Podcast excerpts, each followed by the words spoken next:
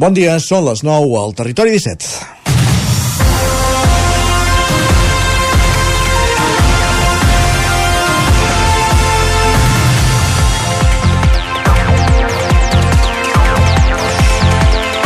L'àrea bàsica de salut ABS de la Vall del Gest té tot l'equip de pediatria de baixa, ja fa dies que us ho hem explicat, la sobrecàrrega laboral que han hagut d'assumir aquests professionals en els últims mesos perquè des de l'ICS no s'ha cobert les places d'alguns companys els ha comportat conseqüències físiques i mentals.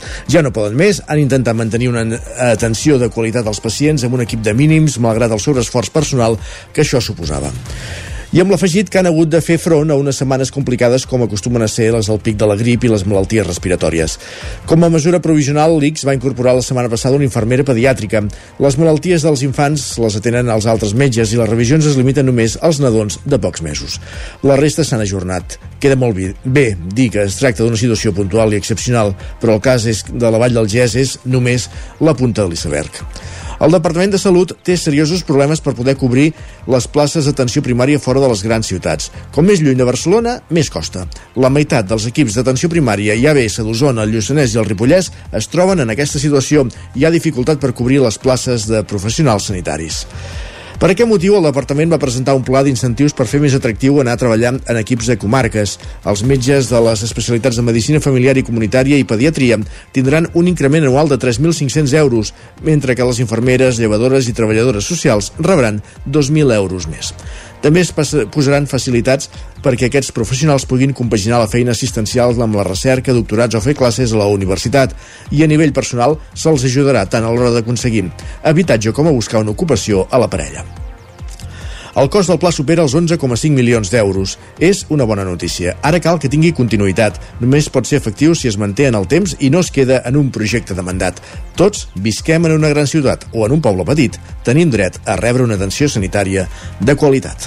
És dilluns 12 de febrer de 2024, en el moment de començar el Territori 17, a la sintonia d'Ona Codinenca, Ràdio Cardedeu, la veu de Sant Joan, Ràdio Vic, el 9 FM, també ens podeu veure a través de Twitch, YouTube, Televisió de Cardedeu, el 9 TV i la xarxa més. Territori 17.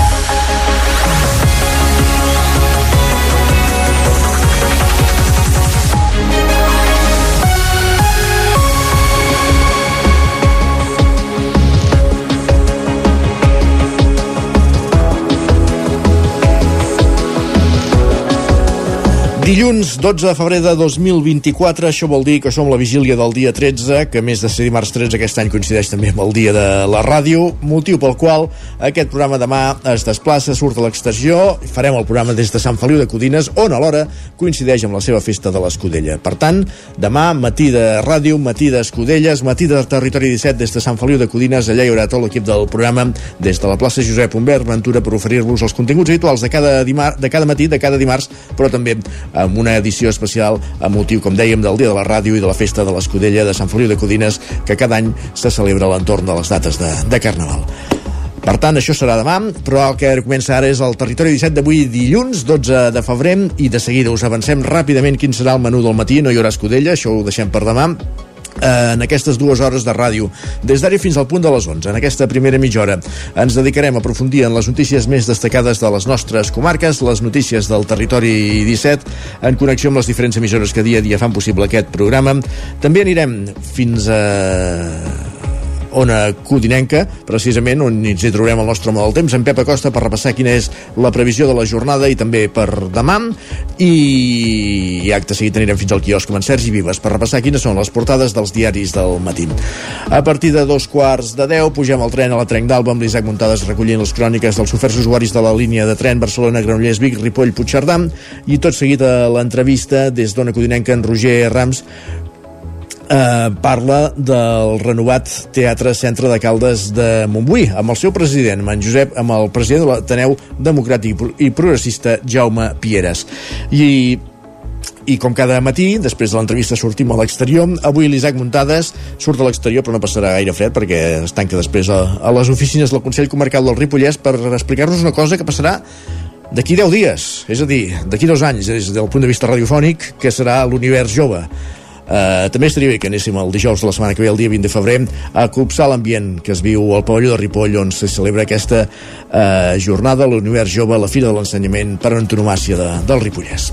Notícies a les 10, la previsió del temps i acte seguit, roda esportiva per repassar els marcadors del cap de setmana en una jornada marcada pel Carnaval i on només pràcticament es disputaven competicions d'àmbit estatal. Les repassarem a partir, com dèiem, d'un quart d'onze i a dos quarts.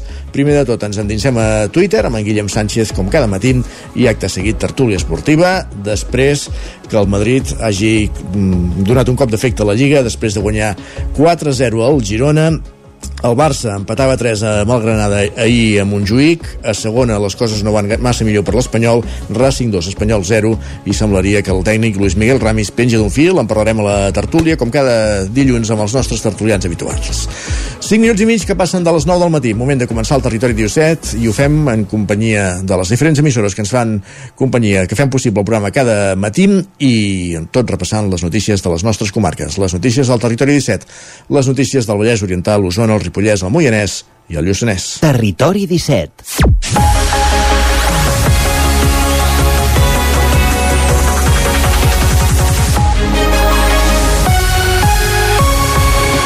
L'alcaldessa de Ripoll, Sílvia Riols, acaba enfarinada i pobreta per membres d'una entitat juvenil en una manifestació pro-Palestina a la Lira. Ripoll, Isaac Muntades, la veu de Sant Joan. La concentració pro-Palestina convocada per l'Organització Juvenil Socialista de Catalunya divendres a la plaça de la Lira de Ripoll va acabar com el Rosari de l'Aurora. L'alcaldessa de Ripoll, Sílvia Riols, ja havia pensat a través de la xarxa social X que hi assistiria i el centenar de persones que s'hi van concentrar van cridar consignes contra ella i tots els regidors de l'equip de govern que l'acompanyaven. A la líder de l'Aliança Catalana van llançar-li un sac de farina i van deixar-la completament blanca. Alguns dels regidors que l'acompanyaven van denunciar que també havien rebut algun cop de puny i escopinades. L'OGS de Catalunya deia a X que davant de l'ascens del feixisme i la seva barbària, el jovent comunista plantava cara. Oriols va contraatacar les xarxes dient que eren 100 forasters contra 7 ripollesos i que aquest és el resum de l'acte pro Hamas i anti-Oriols que avui s'ha celebrat il·legalment a Ripoll. Un acte en què, segons es pot veure a les imatges, l'alcaldessa d'Aliança Catalana i el seu equip de govern van ser encerclats i obligats a marxar de la plaça. Els assistents van anar cap a l'Ajuntament i van penjar una pancarta al balcó del consistori on s'hi podia llegir que contra l'ascens del feixisme responguem com a classe, a més d'encendre alguna bengala. Els assistents a la manifestació portaven banderes vermelles i de Palestina. La pancarta va acabar a la paperera i els retrets van anar creixent a les xarxes socials amb molts partidaris d'Oriols, però també alguns detractors. Els grups municipals de Junts, Esquerra Republicana i Som i Ripoll van condemnar els fets ocorreguts divendres. No estaven a favor que s'enfarinés l'alcaldessa ni que s'utilitzés la violència contra ells, però també van demanar-li que s'abstingués de provocar i, a més, algun grup com l'Alternativa per Ripoll CUP o també Junts van recriminar-li que no estigués present en el reconeixement dels millors expedients acadèmics de l'Institut Abat Oliva de Ripoll al Galliner. Els juntaires li recriminaven que des de la sala Abat Sant Just on es trobaven no calia passar per la lira. El regidor Dani Vilaseca va ser l'encarregat de donar aquests reconeixements. Més qüestions. Salut incentivarà amb un complement salarial, ho dèiem a la portada, als professionals d'atenció primària que treballin a les àrees de difícil cobertura. L'increment pot suposar fins a 2.000 euros l'any per les infermeres i 3.400 pels metges. A Osona i a Lluçanès se'n benefici beneficiarien 5 equips. Sergi Vives, al 9FM. Trobar professionals sanitaris d'algunes especialitats pot ser difícil i si es tracta d'un àmbit rural encara ho és més. Ho demostra el nou pla d'ocupació de places de difícil cobertura que ha presentat el Departament de Salut. Per a valorar-ho han tingut en compte criteris com la distància a l'hospital de referència o les guàrdies que han de cobrir els professionals o l'envelliment de la població.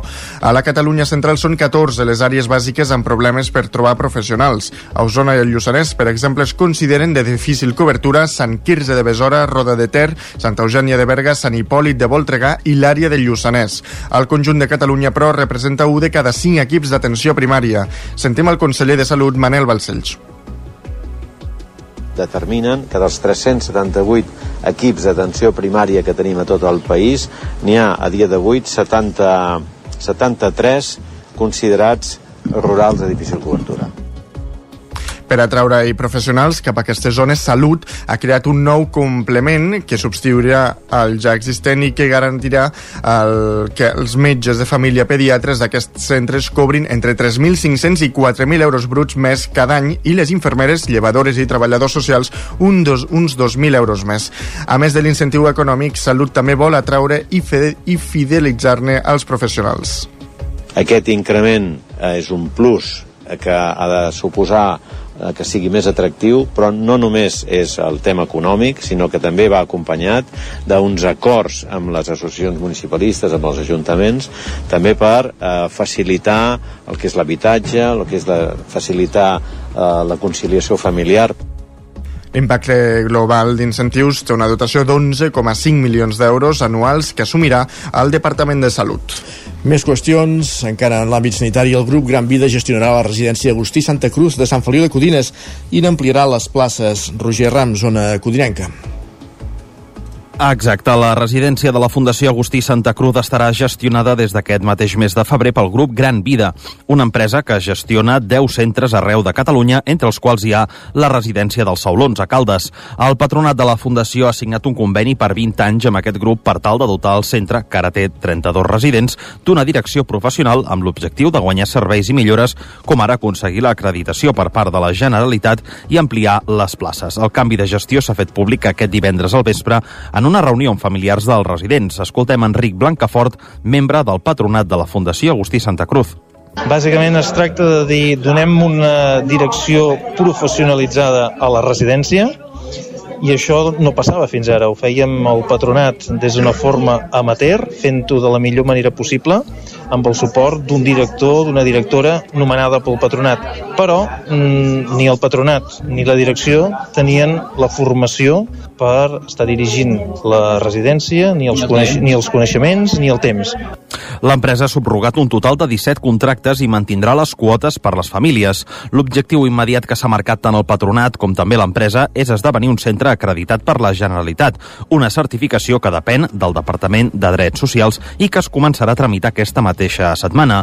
L'acreditació ha de permetre que el centre tingui més recursos i serveis que actualment no hi són, com són els de psicologia, treballadors socials, educadors i terapeutes ocupacionals. Lluís Gutiérrez és gerent del grup Gran Vida. L'acreditació el que vol dir és que la Generalitat, a tots aquells usuaris del centre que tenen reconegut per la llei de la dependència un grau 2 o un grau 3, eh, automàticament els assigna una quantia econòmica en funció de la capacitat econòmica de cada usuari eh, que és inversament proporcional, diguem -ne. A més capacitat econòmica, l'import assignat és menor, però sí que és molt adequat per a aquelles famílies o aquells usuaris que tenen unes capacitats econòmiques molt limitades i fins i tot en algun moment impedeixen que pugui accedir a una residència, amb l'acreditació això ho solucionem. Entre els objectius comuns de l'empresa i també de la Fundació hi ha el d'ampliar el nombre de places que hi ha actualment al centre, aprofitant tant les habitacions buides com els espais que no estan ocupats. El primer pas és l'elaboració d'un estudi arquitectònic que haurà de definir els espais i la seva capacitat.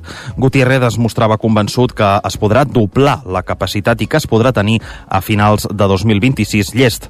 Els membres del patronat de la Fundació, format pel rector de Sant Feliu, Jean-Marie Vianney, l'alcalde Pol Cabotí i tres vocals nomenats per la parròquia, tots tres apunten que l'aposta per aquest canvi de direcció va en la línia de revertir la situació econòmica d'aquesta institució i afirmen que han aconseguit capgirar-la evitant que es fes efectiva la venda de dos locals comercials propietats d'aquesta fundació al municipi de la Llagosta. Gràcies, Roger. Més qüestions. Vic acull l'acte de celebració dels 10 anys de la Federació Universitària Manresa. L'acte va comptar amb l'assistència de l'exconseller Andreu Mas Colell. Sergi. Uh, tot plegat ho van celebrar al Paranimf de la universitat en un acte conduït pel periodista osonenc Albert Om. Era precisament uh, Mas Colell uh, qui recordava la creació d'aquesta unió. El mapa territorial s'havia definit a, a, a finals dels 80, a principi dels 90, i era un mapa que deia no totes les universitats poden estar a Barcelona, n'hi han d'haver en el territori i eh, la Catalunya central va quedar no, no s'hi va arribar no diria que va quedar fora, no s'hi va arribar uh -huh. i eh, aquí va haver-hi prou iniciativa per enllaçar amb la vella tradició de la iniciativa municipal i implantar la Universitat eh, de Vic eh, per la via privada. Els alcaldes de Vic i Manresa, Albert Castells i Marc Eloi, també van participar de l'acte. Castells ressaltava el valor que la universitat ha portat a la ciutat des d'ara ja fa més de 25 anys. El pacte va donar, s'ha dit, continuïtat al projecte universitari que venia de lluny, també la ciutat de Manresa en feia menció al seu alcalde, de llarga tradició també d'estudis superiors, i per tant ha estat útil per l'equilibri econòmic i per tot el que significa en majúscules l'equilibri territorial, com són també les carreteres, el tren, la fibra òptica, la xarxa de serveis educatius, serveis sanitaris, etc. El pes de la universitat en l'equilibri és també un valor clau. Després de la federació entre Vic i Manresa, en els últims 10 anys la UBIC ha crescut un 58% en xifres d'estudiants i actualment està molt sol·licitada en primera opció. Gràcies, Sergi. Més qüestions. La colla dels grillats s'imposa en la categoria reina del Carnaval de Terra Endins de Torelló. És la novena victòria de la colla en actiu amb més primeres posicions. Els troneres van guanyar per sis any consecutiu en la categoria de carrosses B, les petites, tot plegat en una edició on es van desqualificar quatre colles. La comparsa dels grillats de 357 persones acompanyava una carrossa amb un sistema hidràulic, moviment per guanyar altura i més espectacularitat, a banda que donava més pes en la il·luminació. La temàtica girava entorn a conquerir la galàxia Grillatia. La segona posició de la categoria A va ser per als embaucats, que mantenen el lloc de l'any passat, mentre que els tercers van ser els amics i parents de, de Centelles. Qui també va pel camí de desbancar les colles més guardonades, però en la categoria B són els troneres de Taradell i Centelles. Amb el falatell d'or d'aquest dissabte ja en són sis. La temàtica l'explica un dels membres de la colla, Rubén Morcillo. Ara serim uns viatges, un uns uh, viatgers de l'espai, vale, que venien del planeta, del planeta Serenot, i que és Troneres del revés, i de, la part de darrere del temple doncs era això, el temple de, diguem, el temple dels Troneres, i la part de davant era la Medusa, que és la que protegeix dels possibles intrusos que vulguin intentar amb aquest portal interestel·lar, una mica emplaçant-se amb la sèrie Star Trek, em que era Star Trek, no ho recordo mai. I això nosaltres som viatgers i el que fèiem, doncs, la posada en escena seria com conquerir a un altre nou planeta, una nova terra, volguem dir que anàvem a conquerir doncs, el Carnaval de Torell. Quatre colles participants al Carnaval de Terra Endins van quedar desqualificades a la rua de dissabte després que els conductors d'alguna de les seves plataformes donessin positiu en els controls d'alcoholèmia 3 de la, de la categoria B i una de la A. Segons el reglament del Carnaval, la taxa d'alcoholèmia permesa per conduir la carrossa durant la rua és de 0,00. L'Ajuntament reafirma la decisió presa, ja que considera que aquest és un acte en què hi ha molta gent i que són vehicles molt grans amb el perill que comporta. Doncs, sens dubte, decisió controvertida, sense precedents, però que no deixem d'aplaudir per aquest uh, últim argument que, que esgrimia l'Ajuntament. Gràcies Sergi, anem cap a Cardedeu. Durant l'any 2023, la Biblioteca Marta Vilalba de Cardedeu rep prop de 95.000 visites, fent, de, fet que significa un augment considerable vers els anys anteriors. Enric Rubio, Ràdio Televisió Cardedeu. Així és, Isaac, la Biblioteca Marta Vilalba, com bé deies, ha rebut un total de 94.814 visites l'any 2023, consolidant una tendència a l'alça del nombre de visitants a l'equipament els últims anys, ja que si mirem enrere podem veure que l'any 2021 es van produir 46.347 visites i l'any 2022 n'hi van haver gairebé 78.000. A més a més, al desembre de 2023, 9.573 persones tenien el carnet de la biblioteca, la qual cosa equival a un percentatge superior al 50% dels habitants de Cardedeu, fet que es considera tot un èxit. Algunes de les activitats que tenen més èxit i que es desenvolupen amb regularitat mensual són la tertúlia literària Tras, tertúlia còmic, filmosofia, tertúlia de cinema i pensament, la trobada literària per a infants, menys mots, o les sessions de, film, de filosofia per a infants, i el programa Lèxic, acompanyat del lector entre una persona adulta voluntària i un infant. També hi ha noves incorporacions vinculades a les noves tecnologies, com ara ficció en joc, per descobrir el món dels videojocs des d'una perspectiva més oberta, tant artísticament com narrativament parlant. També és especialment actiu el Club de Robòtica, que l'any 2024 participarà a la First Lego League. Durant el 2023, la biblioteca ha rebut 31 grups escolars, amb un total de 775 alumnes dels cursos d'infantil, primària i secundària, i dona suport a la iniciativa de les escoles i instituts de Cardedeu en la creació d'un grup de docents de crítica de literatura infantil i juvenil. En relació als préstecs, ja per acabar, se n'han comptabilitzat gairebé 69.000, entre els quals hi ha llibres, revistes, música en CD, cinema en DVD o Blu-ray. I també s'ha pogut constatar un augment en l'ús de la biblioteca virtual eBiblio, des d'on s'han enregistrat 4.700 préstecs, ja sigui de llibres electrònics com de cinema.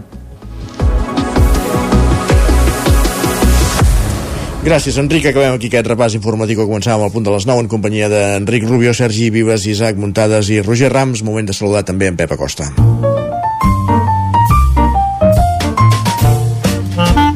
Casa Terradellos us ofereix el temps. És l'home del temps, l'anem a pescar una codinenca i a veure què ens explica d'aquesta setmana que comença freda. Pep, benvinguts, bon dia. Molt bon dia. Per fi ja som dilluns, comença una nova setmana, una, una nova setmana uh, plena de coses a fer, de feina, d'oportunitats, bueno, en fi, de moltíssimes coses.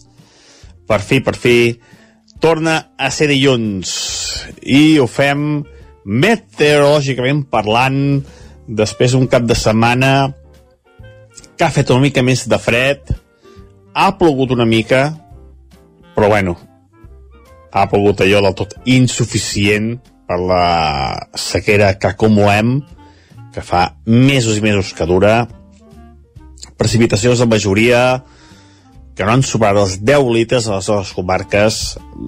Per tant ja veieu eh, quina poca cosa eh, quin front més eh, més escafeinat. Ja veieu que a més no va provocar gaire afectacions eh, pel carnaval eh, bueno, en definitiva mm, molt poca cosa eh, ha fet mm, no, no ha sigut eh, cap solució per a la sequera que estem patint, ni molt menys, eh? no, no, no ha afectat eh, de, cap, de cap manera. Què més? Eh, ha refrescat una mica, moltes màximes eh, al voltant dels 15 graus o lleugerament inferiors i tot. Algunes glaçades, no hi ha inversió tèrmica, fa més fred alta muntanya que no pas a les valls, per fi alta muntanya fins una mica de fred, però bueno, mm, ja estem ja a mig febrer, hi ha poques glaçades més hi haurà cap al preditoral sobretot, a l'interior segurament els pocs dies sí que hi haurà més glaçades, però bueno, mm, un hivern molt poc fred. I ahir, ahir ja tots aquests fronts, aquesta lumositat ja va marxar i eh, ens torna a afectar una eh, falca anticiclònica. I avui ens afectarà de ple. Per tant, serà un dia eh, molt tranquil, molt poques eh, novetats, no hi haurà novetats, eh, al contrari, farà molt de sol, anticicló, i les temperatures, atenció, començaran a pujar. Avui les màximes moltes ja superaran els 15 graus, sobretot al prelitoral, eh, també cap a Moianès i també cap a Osona. Superarem ja aquests 15 graus, si bé la majoria quedaran entre els 10 i els 13, però en algunes poblacions ja superarem els 15 graus. Sol durant tot el dia, vents febles, eh, el cap de setmana una mica de vent, però avui els vents seran molt més febles i, com deia, aquesta falca anticiclònica ens acompanyarà forces dies aquesta setmana. Una altra vegada, una setmana anticicló i de temperatures que a partir de dimecres i jous es dispararan i seran ben bé 8, 9, 10 graus més altes del que haurien de ser. No hi ha manera de canviar la dinàmica i tornem a l'anticicló i a les temperatures més altes del normal. Molt bon dilluns, adeu! Gràcies, Pep. Realment eh, greu tot plegat. Eh, continuem, nosaltres anem cap al quiosc. Casa Tarradellas us ha ofert aquest espai. Moment de repassar quines són les portades dels diaris del matí. Territori. I ho fem com cada nit en companyia d'en Sergi Vives, que és qui es desplaça al quiosc a veure aquestes portades. Avui és dilluns i comencem el repàs, Sergi, per les portades del 99.cat, per les dues edicions del 99 de, en paper, per, vam dir, perdó.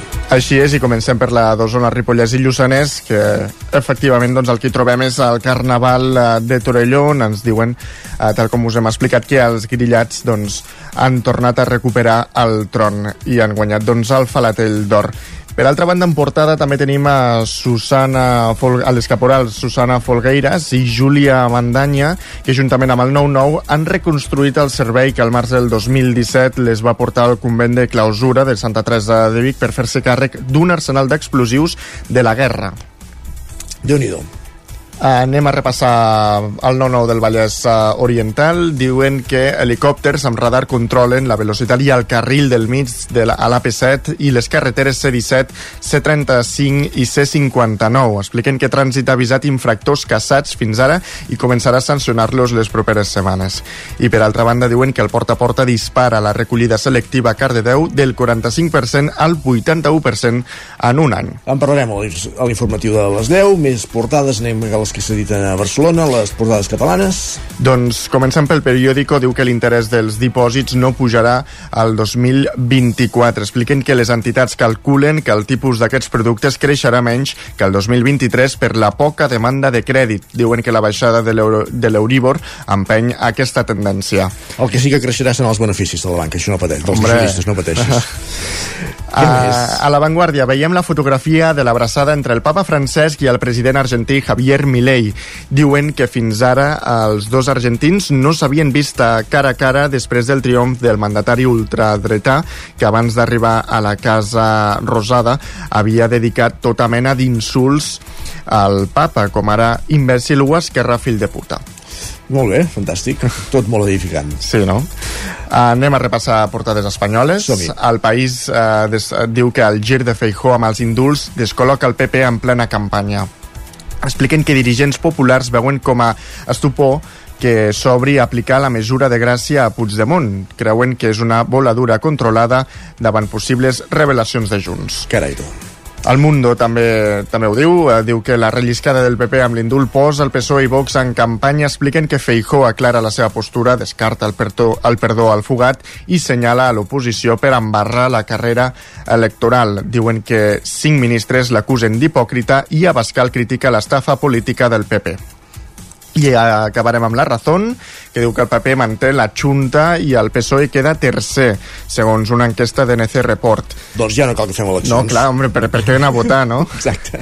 Uh, expliquen que Rueda aconseguiria un 48,6% dels vots i entre els 40 i 41 d'escons, mentre que el PSOE quedaria amb un 16,4% i amb 12 o 13 escons. I falta veure què faria el BNG també, perquè esclar, si no el ens BNG, fiquem- sí, passarien de 19 a 21 o 22 escons, diputats. Molt bé. Doncs, com dèiem, ja no cal que fem eleccions. En repassem ràpidament digitals, ara sí, el 99.cat, Osona, Ripollès, Moianès i Lluçanès. Doncs ens trobem també tota la informació sobre el Carnaval de Terra Endins amb el, amb el titular Torelló torna a ser grillat. I a l'edició del Vallès Oriental i el Moianès? Doncs ens diuen que la Comissió de Delimitació Territorial dona el vistiplau al pas d'aigua freda a la comarca d'Osona. Perfectíssim, gràcies Sergi. A tu. Nosaltres fem una petitíssima pausa, però tornem de seguida aquí al Territori 17. Fins ara mateix. El nou FM, la ràdio de casa, al 92.8. Coberta serveis funeraris. Els nostres tanatoris estan ubicats en els nuclis urbans més poblats de la comarca d'Osona per oferir un millor servei. Tanatori de Vic, Tanatori de Manlleu, Tanatori de Centelles i Tanatori de Roda de Ter. Sabem que són moments difícils i per això el nostre compromís és atendre-us en tot moment amb un tracte humà, sensible i respectuós. Coberta serveis funeraris. Telèfon 24 hores 93 883 23 46. El nou FM, la ràdio de casa, al 92.8. Setmana que estarà marcada per l'anticicló i l'increment de temperatures. Ens deia fa un moment l'home del temps, en Pep Acosta, però no hem d'oblidar que Catalunya està en emergència per sequera. Després de 3 anys sense pluges, les reserves dels embassaments i aqüífers han anat baixant progressivament, passant del 80% fins al 16% actual. Pots consultar les restriccions del teu municipi al visor de la sequera entrant a sequera.gencat.cat. A més, recorda que pots contribuir a l'estalvi d'aigua amb molts petits gestos, com tancar l'aixeta mentre rentes les dents, prioritzar la dutxa en comptes de la banyera, no fer servir el vàter com si fos una paperera o posar la rentadora només quan és plena. Estalviar aigua és urgent, és un missatge de la Generalitat de Catalunya. El nou FM. El nou FM. L'infopodcast del 99. Amb Sílvia Pedret. Cada dia et donem les claus de les notícies més rellevants de casa nostra. Vivim en una comarca que s'està demostrant pionera en transició. Desperta't cada dia amb l'infopodcast del 9-9. Aquesta setmana tornen a ser notícia els pantans perquè han baixat... El trobaràs a dos quarts de vuit del matí al 99.cat, Spotify, iVox i, si ho vols, te l'enviem directament al mòbil. Subscriu-te als canals de WhatsApp i Telegram del 99. Soc Sílvia Pedret. Comencem. Cada dimarts a les 11 de la nit, al 9 FM, repàs de l'actualitat esportiva a la banqueta. T'imagines un programa de política, d'economia, feina... Doncs ja te'n pots oblidar. Quin tinglado! Un programa d'entreteniment, actualitat, cultura i molt rigorós. Amb Bada Serrat, Miquel Giol i Eudal Puig. un programa que no passarà a la història i que tampoc guanyarà cap ondes. No ens flipem. Escolta'l cada dijous en directe de 8 a 9 del vespre al 9 FM. Ai, ai, ai, quin tinglado! Anuncia't al 9 FM. La màquina de casa. 9 3 8 8 9 4 9 4 9 Publicitat arroba al 9fm.cat. Anuncia't al 9 FM. La publicitat més eficaç. El 9 FM, la ràdio de casa, al 92.8. Territori 17.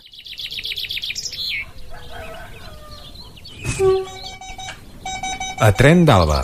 Cada dia els usuaris i usuàries de la línia R3 de Rodalies que veuen sortir el sol des d'un vagó ens expliquen les gràcies i les penes del primer comboi que uneix Ripoll i Barcelona o les feixugues jornades amb el tren després de treballar. Benvinguts a Tren d'Alba. Atenció a aquesta informació que no ens la veiem a venir. Aquest cap de setmana, com molts sabeu, el Girona va perdre per 4-0 al Santiago Bernabéu contra el Madrid. Era un partit clau per decidir el lideratge que es va decantar del cantó blanc. Doncs bé, hi havia molts aficionats del Girona que no es volien perdre el partit i s'esperava un desplaçament massiu com així va ser. Doncs va haver-n'hi molts que no sabien si podrien arribar a temps a l'estadi, ja que es van trobar problemes importants per viatjar cap a Madrid. Resulta que el tren Ouigo, que sortia a les 10 i 40 minuts de Barcelona cap a Madrid el dissabte, ho va fer només amb 8 dels 16 vagons que estaven previstos per culpa de problemes tècnics segons va informar la companyia. L'usuari d'X, Renfe, va dir que si arriba a ser Renfe la culpable de deixar els aficionats del Girona a terra, ja hauria sortit a tots els mitjans de comunicació i que la malvada Renfe, amb el suport de Florentino Pérez, estaria sabotejant la Lliga. Però sorpresa, com que havia estat Ouigo, tot el món estava callat. Clar que després hi havia gent que deia que millor que els haguessin deixat a terra, que així els hi havien evitat el disgust. Va, ens retrobem demà amb més històries del tren i de l'R3. Un catxon del community manager de, de Renfe, sens dubte. Gràcies, Isaac. Territori 17.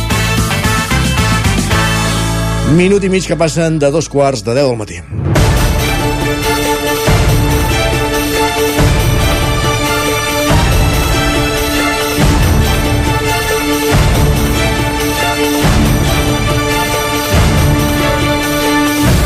Avui a l'entrevista en Roger Rams eh, des d'Ona Codrinenca es desplaça al nou Teatre Centre de Caldes de Montbui, un equipament cultural amb més de 150 anys d'història i que fa uns dies que s'ha reobert al públic totalment renovat.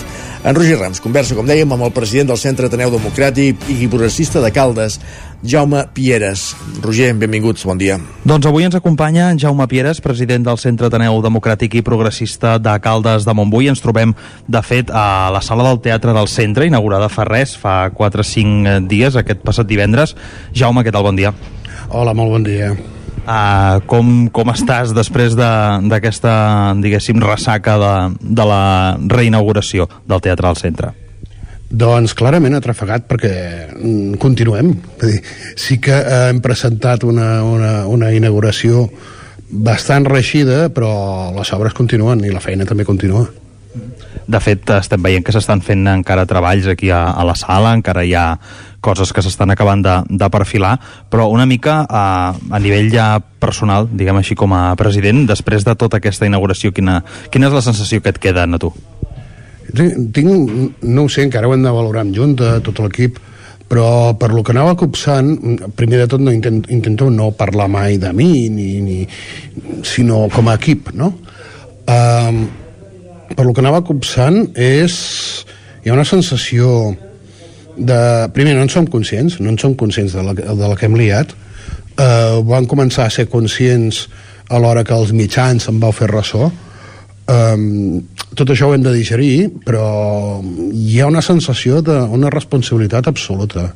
Vull dir, podem estar molt contents el dia de la inauguració, fins i tot celebrar-ho, però el gestionar per una entitat petita, no deixem de ser 350 socis, no deixem de ser una entitat cultural local, doncs la, la que hem liat és molt grossa. Uh, en el sentit de responsabilitat també no deixem d'haver de, de tancar aquest exercici, aquest exercici econòmic, aquest exercici organitzatiu, doncs evidentment amb reunions de valoració també hem de dir la nostra, però sobretot hem d'acabar de complir. No vol dir acabar de pagar, vol dir que tenim molta feina. Ara quan surti d'aquí doncs anem a repassar factures, anem a repassar eh, altres qüestions i sobretot amb tota la prudència eh, plantejar una programació que ja et dic que pel 24 poden haver-hi proves, possiblement la programació estable que podem esperar tots serà pel 25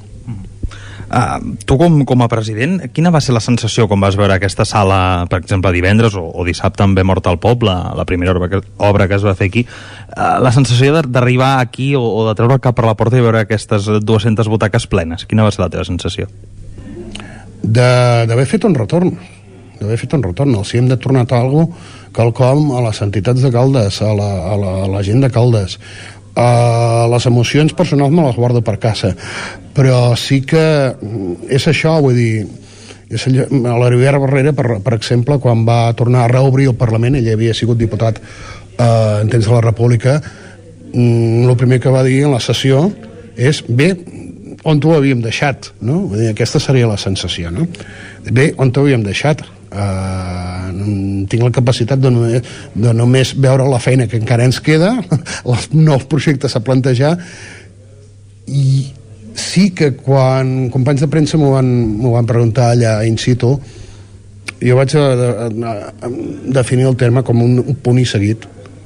És un punt i seguit. I la sensació de quan vam pujar que vam veure tota la sala plena doncs és un punt i seguit de seguida fem la mirada enrere, però abans deixa'm uh, preguntar-te, Jaume, una mica què suposa aquest espai per Caldes, perquè uh, obrir un teatre és una cosa que deies, no som prou conscients no, de, de la que hem liat, fins que, clar, s'obre un teatre. Això és una cosa que a Catalunya, desgraciadament, no passa cada dia.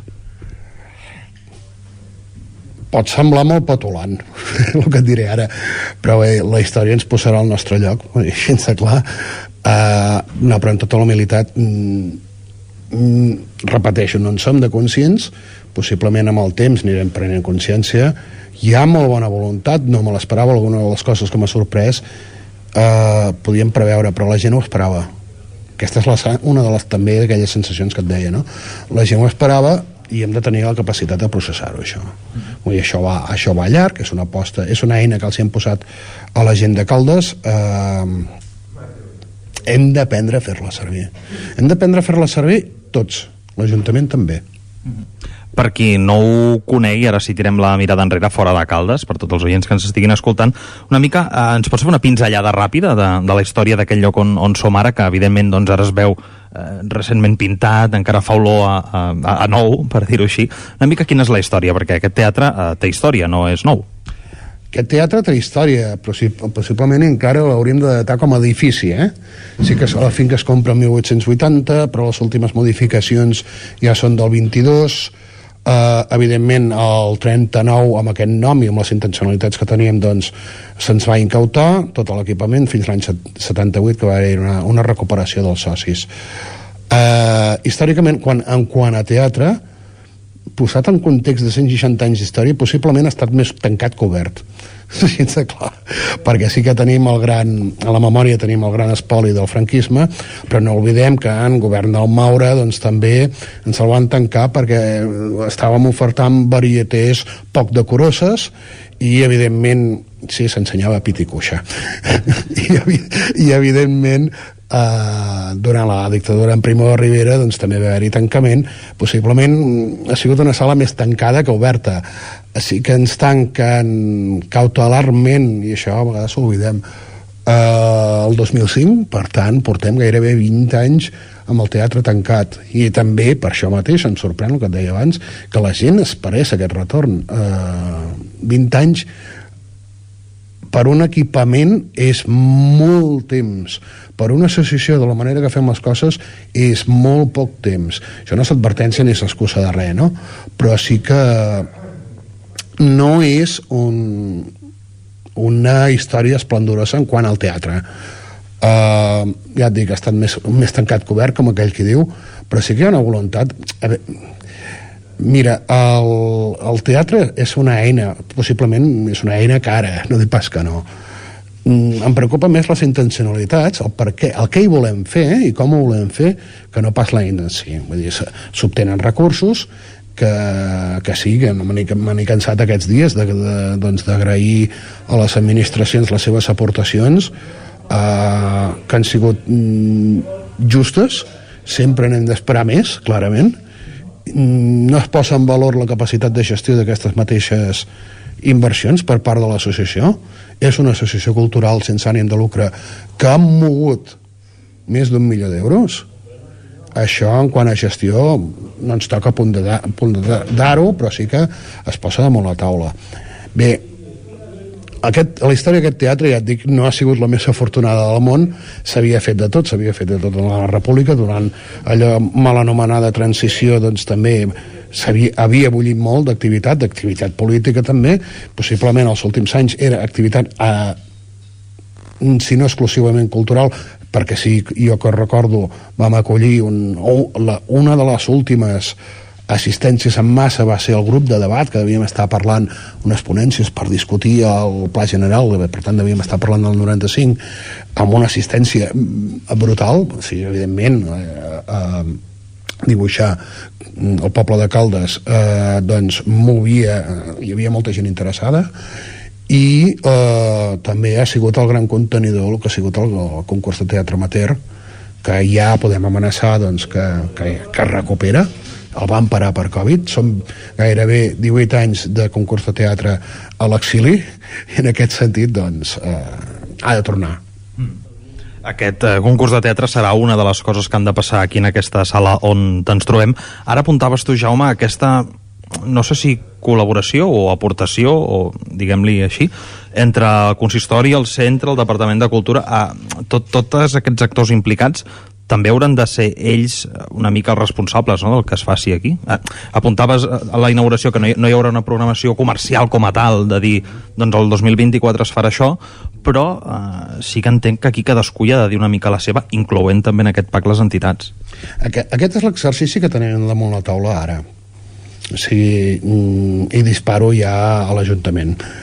Uh, hem de prendre tots principalment als pobles petits, perquè per molt que ens venguem la moto som un poble relativament petit.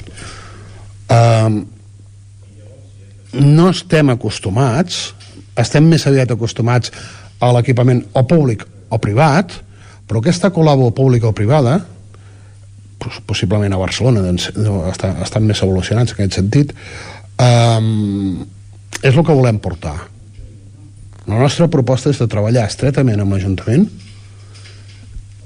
no dibuixar exclusivament ospa, tu tens el 40% de l'ocupació i jo tinc el 60%, sinó taules de coordinació conjuntes, o sigui, definim què fem conjuntament entre principalment, si home, pot venir la Generalitat, però principalment és l'Ajuntament el gran operador de l'administració, a dibuixar què hi hem de fer i com ens movem. Què ens toca a nosaltres? Doncs defensar la part associativa. Mm és gens de clar, perquè és la que francament té un plan de contingut quan, quan dius pa, aquesta vessant més associativa, recordem que estem aquí al centre, una mica exactament cap on, cap on derivem? Mira, quan, i sobretot els mitjans, no, no carrego contra els mitjans ni molt menys, em pregunten, la programació, hi ha un concepte que, que sempre jo flipo una mica, programació estable, quan tindrem la programació estable? Un poble ha de tenir programació estable, estable principalment és una quadra en aquest sentit. Estable també són els pastorets que es fan cada any a molts pobles de Catalunya. Estable són les festes que organitzen les entitats. Per tant, a l'estable mm, jo m'agrada més dir les coses més clares. Activitat cultural comercial o activitat cultural associativa. És molt més interessant això. Hi ha molts grups de teatre amateur en aquest país que fan programació estable, que estan fent 3 i 4 produccions l'any. O una, encara que sigui. Mm, hem de posar en valor això. Sí, clar, i més Caldes sí que es demostra doncs, que hi ha certes hi ha certes iniciatives de base associativa i dic de base associativa per no caure en, per fer, per deixar-ho molt clar el que és una activitat comercial de cultura, no dic pas que no però que possiblement sigui l'Ajuntament que s'encarregui d'arbitrar-ho.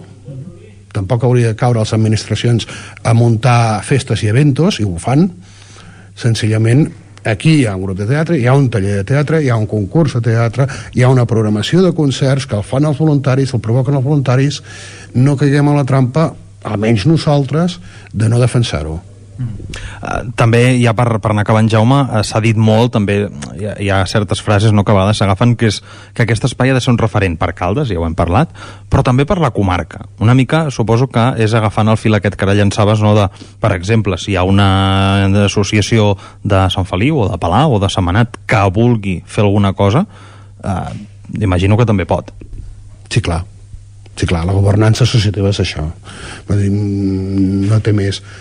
Mm, evidentment Caldes com a capital de Gana del Vallès i històrica doncs necessita reivindicar aquest discurs però sí, ha d'estar obert a totes les iniciatives. Avui clarament, mira, una mostra. Em preocupa molt més com acollim i qui paga el llum i l'aigua i el gas. Si fem una assemblea d'escoltes de Catalunya per dir alguna cosa que no pas que em portin eh, vingui l'Ajuntament i em porti una programació catàleg Diputació de Barcelona, per exemple em preocupa molt més això, poder acollir això, una assemblea de, de les colles giganteres de Catalunya, més vol. Evidentment, eh, diguem-ne que és poc rentable. La cultura és poc rentable. L'habilitat és intentar, intentar fer-ho el més sostenible possible. Per tant, eh, amb aquestes intencions ja estem veient que, que aquest espai doncs, hi han de passar coses diferents al que teníem fins ara, si més no a, a Caldes i, i a la Rodalia. I de tot plegant hem conversat, doncs, com dèiem, amb el president del Centre Ateneu Democràtic i Progressista, Jaume Pieres.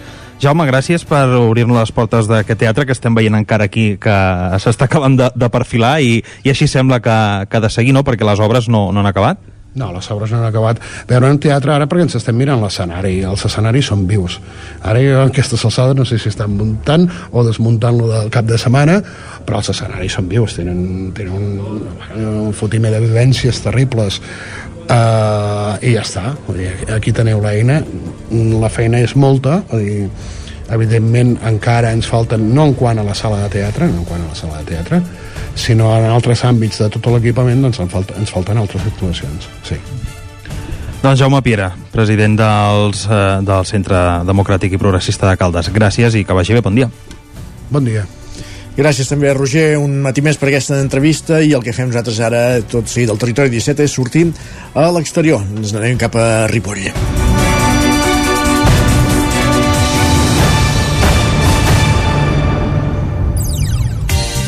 Territori 17. Dos minuts que passen de tres quarts de 10 del matí.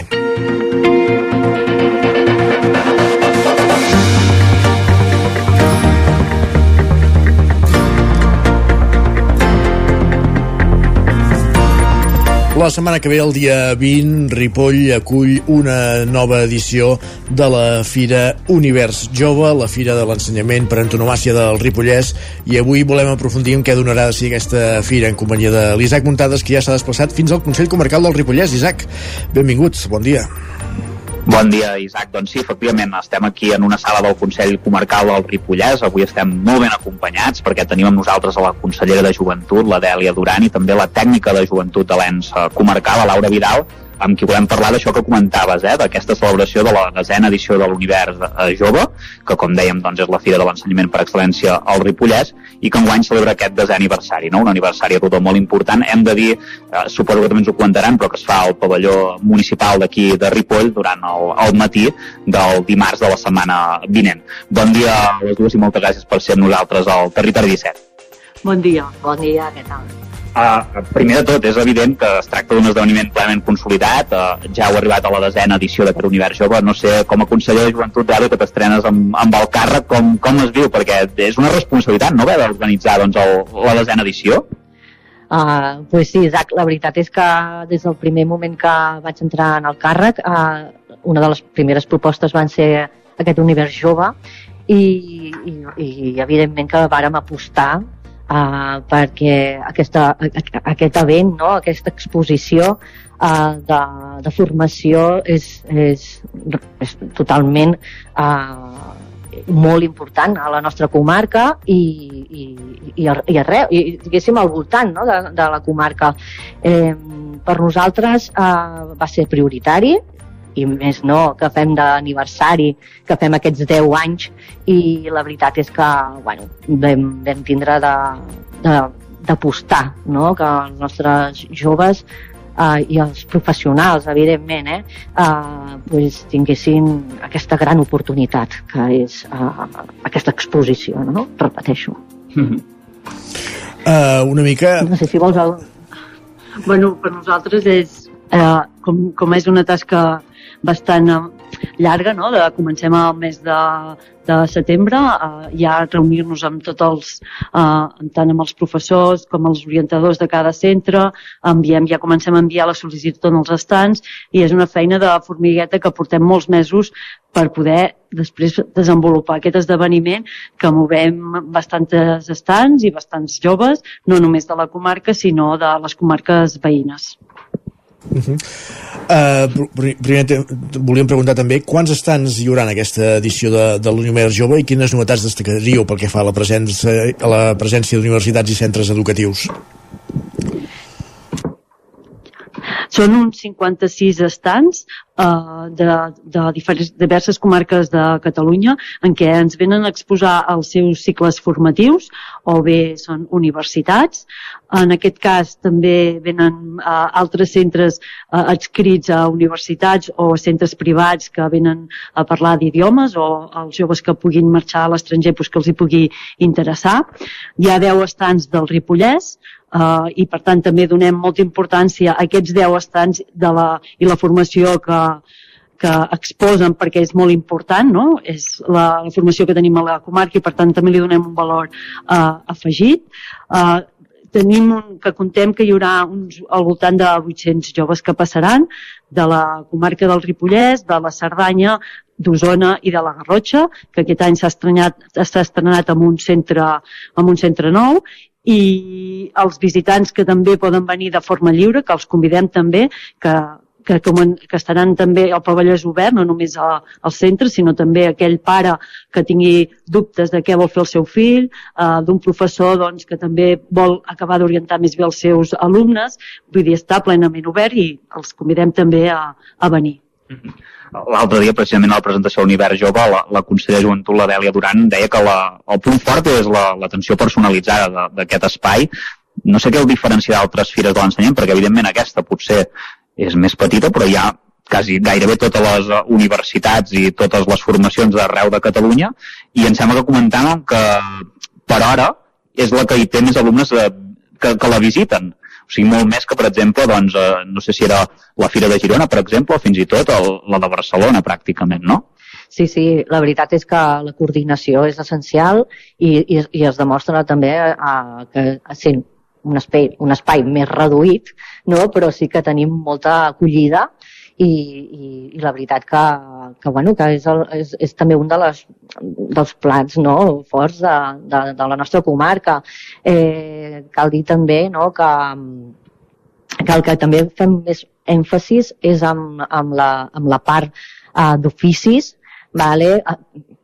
Formacions, vale? però la part d'oficis i formació professional també està vinculada i això, uh, no, que els estants tinguin uh, tanta, tantes uh, dinamitzacions, no? els professionals, i, i, i bé, puguin també gaudir una mica no? de, de, del que tenim aquí a, a la nostra comarca. I, i res, i, i crec que, que, que la gent cada cop va, va enganxant més no? d'aquesta aquest, exposició i és el que tenim d'apostar. Uh -huh. És el que, Uh -huh. Més enllà del que són eh, el que és l'exposició pròpiament dita, també hi ha activitats paral·leles, estem parlant de, de taules rodones dinamitzades, de, sobre quines temàtiques, de què aniran aquestes taules rodones? Ah, les, uh, hi haurà, aquest, com l'any passat hi va haver-hi tot un seguit de, de xerrades, aquest any ho, ho modifiquem, sempre intentem innovar i modificar coses per, per seguir avançant, com que recollim avaluacions de la, dels universos joves de l'any passat, tant dels alumnes com dels professors com de la gent que ha participat, doncs vam voler reformular i aquest any farem com a novetat aquestes taules rodones que estaran dinamitzades per una persona externa i que hi haurà taules rodones amb professorat, alumne i, i, alum, ai, uh, i professionals del sector en què explicaran diferents, uh, diferents casuístiques de cada, de cada àmbit. En aquest cas hi haurà una de cuina i gastronomia, una de sortides professionals tecnològiques, en què la FES tindrà un pes important, administració i gestió, i una d'oficis i sector soci sociosanitari. Els alumnes prèviament s'hauran inscrit, aquells que tinguin un interès en aquestes taules, perquè així es podran fer, a part de conèixer eh, petites experiències de cada, de cada part exposada, també que hi hagi un feedback constant i que els dubtes que li tingui o generi a la jove per poder conèixer aquest àmbit de treball, doncs que els pugui, els pugui fer. No? Una mica el que deia l'Isaac, no? la idea és, de l'univers jove és que sigui molt proper no? i que l'alumne pugui participar tant en aquestes taules, pugui participar també en, en una taula d'experiències joves que es fa en aquest cas a la Devesa, perquè per espai no, ens, no podíem anar al pavelló i que els joves també podran fer un feedback amb joves que han estudiat graus, que han estat a la universitat i com és això d'anar fora no? i d'estudiar uh, i, i marxar de casa, pis, pis d'estudiants, una mica que puguin preguntar també les seves primeres feines, no? com els hi ha anat amb aquests, amb aquests joves i després també hi haurà unes taules d'orientació en el propi uh, univers jove en què uh, hi haurà diferents professionals del, del Ripollès en què podran fer un tu a tu, no? de demanar que, que no, si no sé què estudiar, doncs els orientaran i els donaran tota la informació que tinguin molt més personalitzada que, que potser no, amb, un univers, amb una altra fira de, que és molt més gran i que per tant tot queda molt més difús. Uh -huh. uh, una altra de, de les dinamitzacions que estan al centre és la sexualitat i les drogues, que evidentment són temes que interessen molt a, als joves. Uh, no sé què, què me'n podeu dir d'aquestes taules. Bueno, no, és una, no són taules, sinó que eh, la part central de l'univers jove hi ha una dinamització perquè no el fem tan farragós, no?, l'univers jove, ja que és una part que els joves és difícil l'orientació, no? de dir què faig jo l'any que ve, no? i estan nerviosos, no saben què fer, no? i en canvi doncs, aquí fem un, fiquem una mica de dinamisme. No? Hi ha una, una entitat en què fan tota una sèrie de, de jocs, hi ha un Kahoot, hi ha també una, un passapalabra, i en aquestes dinamitzacions el que fan és eh, parlaran de unes, en aquest cas de tòxics i de, i de uh, consum de tòxics i sexualitat les preguntes van relacionades, van treballar prèviament i hi haurà un sorteig, no? Qui, qui els joves que volien participar doncs després tenen un premi perquè han participat i passar-s'ho bé, no? Bé, jo crec que aquestes taules també són primordials, no? També de, de, de fer i amb aquesta, amb, amb aquesta causa no, de l'univers jove, també per, per les inquietuds, no? Sempre, uh, com bé ha dit Laura, um, sempre, sempre que hi ha la part formativa, la formació, a tot el que calgui, però també no, aquestes, aquesta part que també és la que t'acompanya a la vida, pues, eh, crec que és super important i, i, i fer aquests espais també crec que els hi dona pues, una altra bueno, una valoració important. Eh? Eh, apostem molt, eh, també hem de dir que aquests, eh, aquest de sexualitat i, i, de, i de tòxics eh, també es fan durant tot l'any aquí al, al Ripollès que no és una cosa que també només es fa a l'univers jove, sinó que també eh, bueno, es fa durant tot l'any a, a les oficines de, de jove. Mm -hmm. Quants alumnes preveieu que vinguin aquest any a l'univers jove i de quines comarques? Uh, L'Isaac et pregunta el tema de, dels alumnes. Quan, quants espereu que, que en vinguin aquesta setmana a aquest univers jove? Estem parlant d'uns 800, al voltant de 800 i contem que després també hi haurà gent que vindrà, no? com hem dit, de, de forma lliure, i contem un, un miler de, de persones. Hem de, hem, hem de ser positius, hem de ser de positius. De fet, que cada any més o menys s'acaba arribant al miler perquè hi ha persones particulars que tenen pel seu compte i em sembla que és, comentaves abans, eh, Laura, 850 que més o menys estan definits amb aquest Institut de la Garrotja doncs, que ve per primera vegada i a més a més doncs, eh, s'hi afegeix la gent de forma particular que pugui venir que acaba, acaba donant aquest miler. Uh, us volia preguntar, abans d'acabar ja, abans parlant de l'oferta formativa de la comarca i també em sembla que la guia d'ensenyaments de, del Ripollès també s'actualitza, que és molt important per saber què, què es fa aquí a la comarca, no? Sí, és una guia que eh, es, es va, fa molts anys que s'està fent i que s'actualitza i que es dona a tots els, els alumnes que anem a fer unes dinàmiques prèvies a l'univers jove, quart d'ESO, dels instituts, i els que són de fora els hi passem tota la informació perquè coneguin què es fa ben bé al Ripollès i quina és l'oferta formativa després de quart d'ESO, què poden fer, no? Tant els que eh, volen seguir estudiant com els que doncs, per, no acaben l'ESO i quines, quines línies poden seguir estudiant o re, retornant al seu, en el món uh, acadèmic. Mm -hmm. Doncs hem conegut al detall aquest univers jove, aquesta fira de l'ensenyament del Ripollès que es farà dijous de la setmana vinent, el dia 20 de febrer. L'Isaac Montades, que s'ha desplaçat a la delegació del Consell Comarcal de, del Ripollès per avançar els detalls d'aquest univers jove. N'hem parlat amb la consellera de Joventut, Dèlia Duran, i la tècnica Laura Vidal. Moltíssimes gràcies a totes dues i que vagi molt bé eh, aquesta nova edició de l'Univers Jove. Moltíssimes, moltíssimes gràcies per vosaltres, per uh, aquest temps i poder informar a, a tothom. Gràcies. gràcies. Moltes gràcies. Bon dia, gràcies Isaac. Per, també parlem d'aquí una estoneta. Fins ara. Fins ara.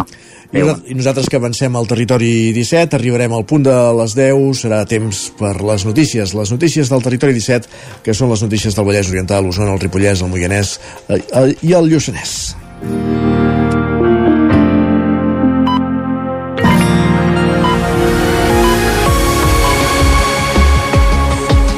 Moment per l'actualitat, moment de posar-nos al dia. Fem un repàs a les notícies de les nostres comarques en connexió, com cada matí amb les diferents emissores que dia a dia fan possible aquest programa. Ona Codinenca, Ràdio Cardedeu, la veu de Sant Joan, Ràdio Vic, el 9 FM. Ens podeu veure també a través de Twitch, YouTube, Televisió de Cardedeu, el 9 TV i la xarxa més. Per explicar-vos aquesta hora que l'Ajuntament de Mollà presenta el projecte per instal·lar una planta de biogàs al polígon industrial del Prat, un projecte que vincula a l'ampliació de l'escorxador del Moianès i la legalització del mateix polígon. Roger Ram, zona Codinenca. Exacte, per aquest projecte l'Ajuntament de Mollà ha projectat una inversió de 3 milions d'euros obtinguda en la seva majoria a través de fons europeus. Si la planta finalment es du a terme, seria la primera de tot l'estat espanyol d'aquestes característiques i abastaria d'energia tots els serveis públics de Mollà, des dels equipaments municipals fins també la xarxa d'enllumenat públic. Ara bé, per instal·lar-la al polígon al Prat es necessiten uns terrenys, propietat de l'escorxador del Moianès i la legalització del polígon que actualment no compleix la normativa del Departament d'Urbanisme de la Generalitat. De moment, Ajuntament i propietat de l'escorxador han arribat ja a una entesa per la cessió d'aquest espai. A la vegada, la legalització del polígon permetria assolir un dels objectius de la propietat de l'escorxador del Moianès, fer una ampliació de les naus amb una nova línia que diversifiqui la producció amb aliments envasats, precuinats i cuinats. A més, amb la millora de les seves infraestructures i instal·lacions, l'escorxador buscarà complir l'objectiu de garantir en el futur els estàndards i certificacions internacionals de qualitat que actualment ja té.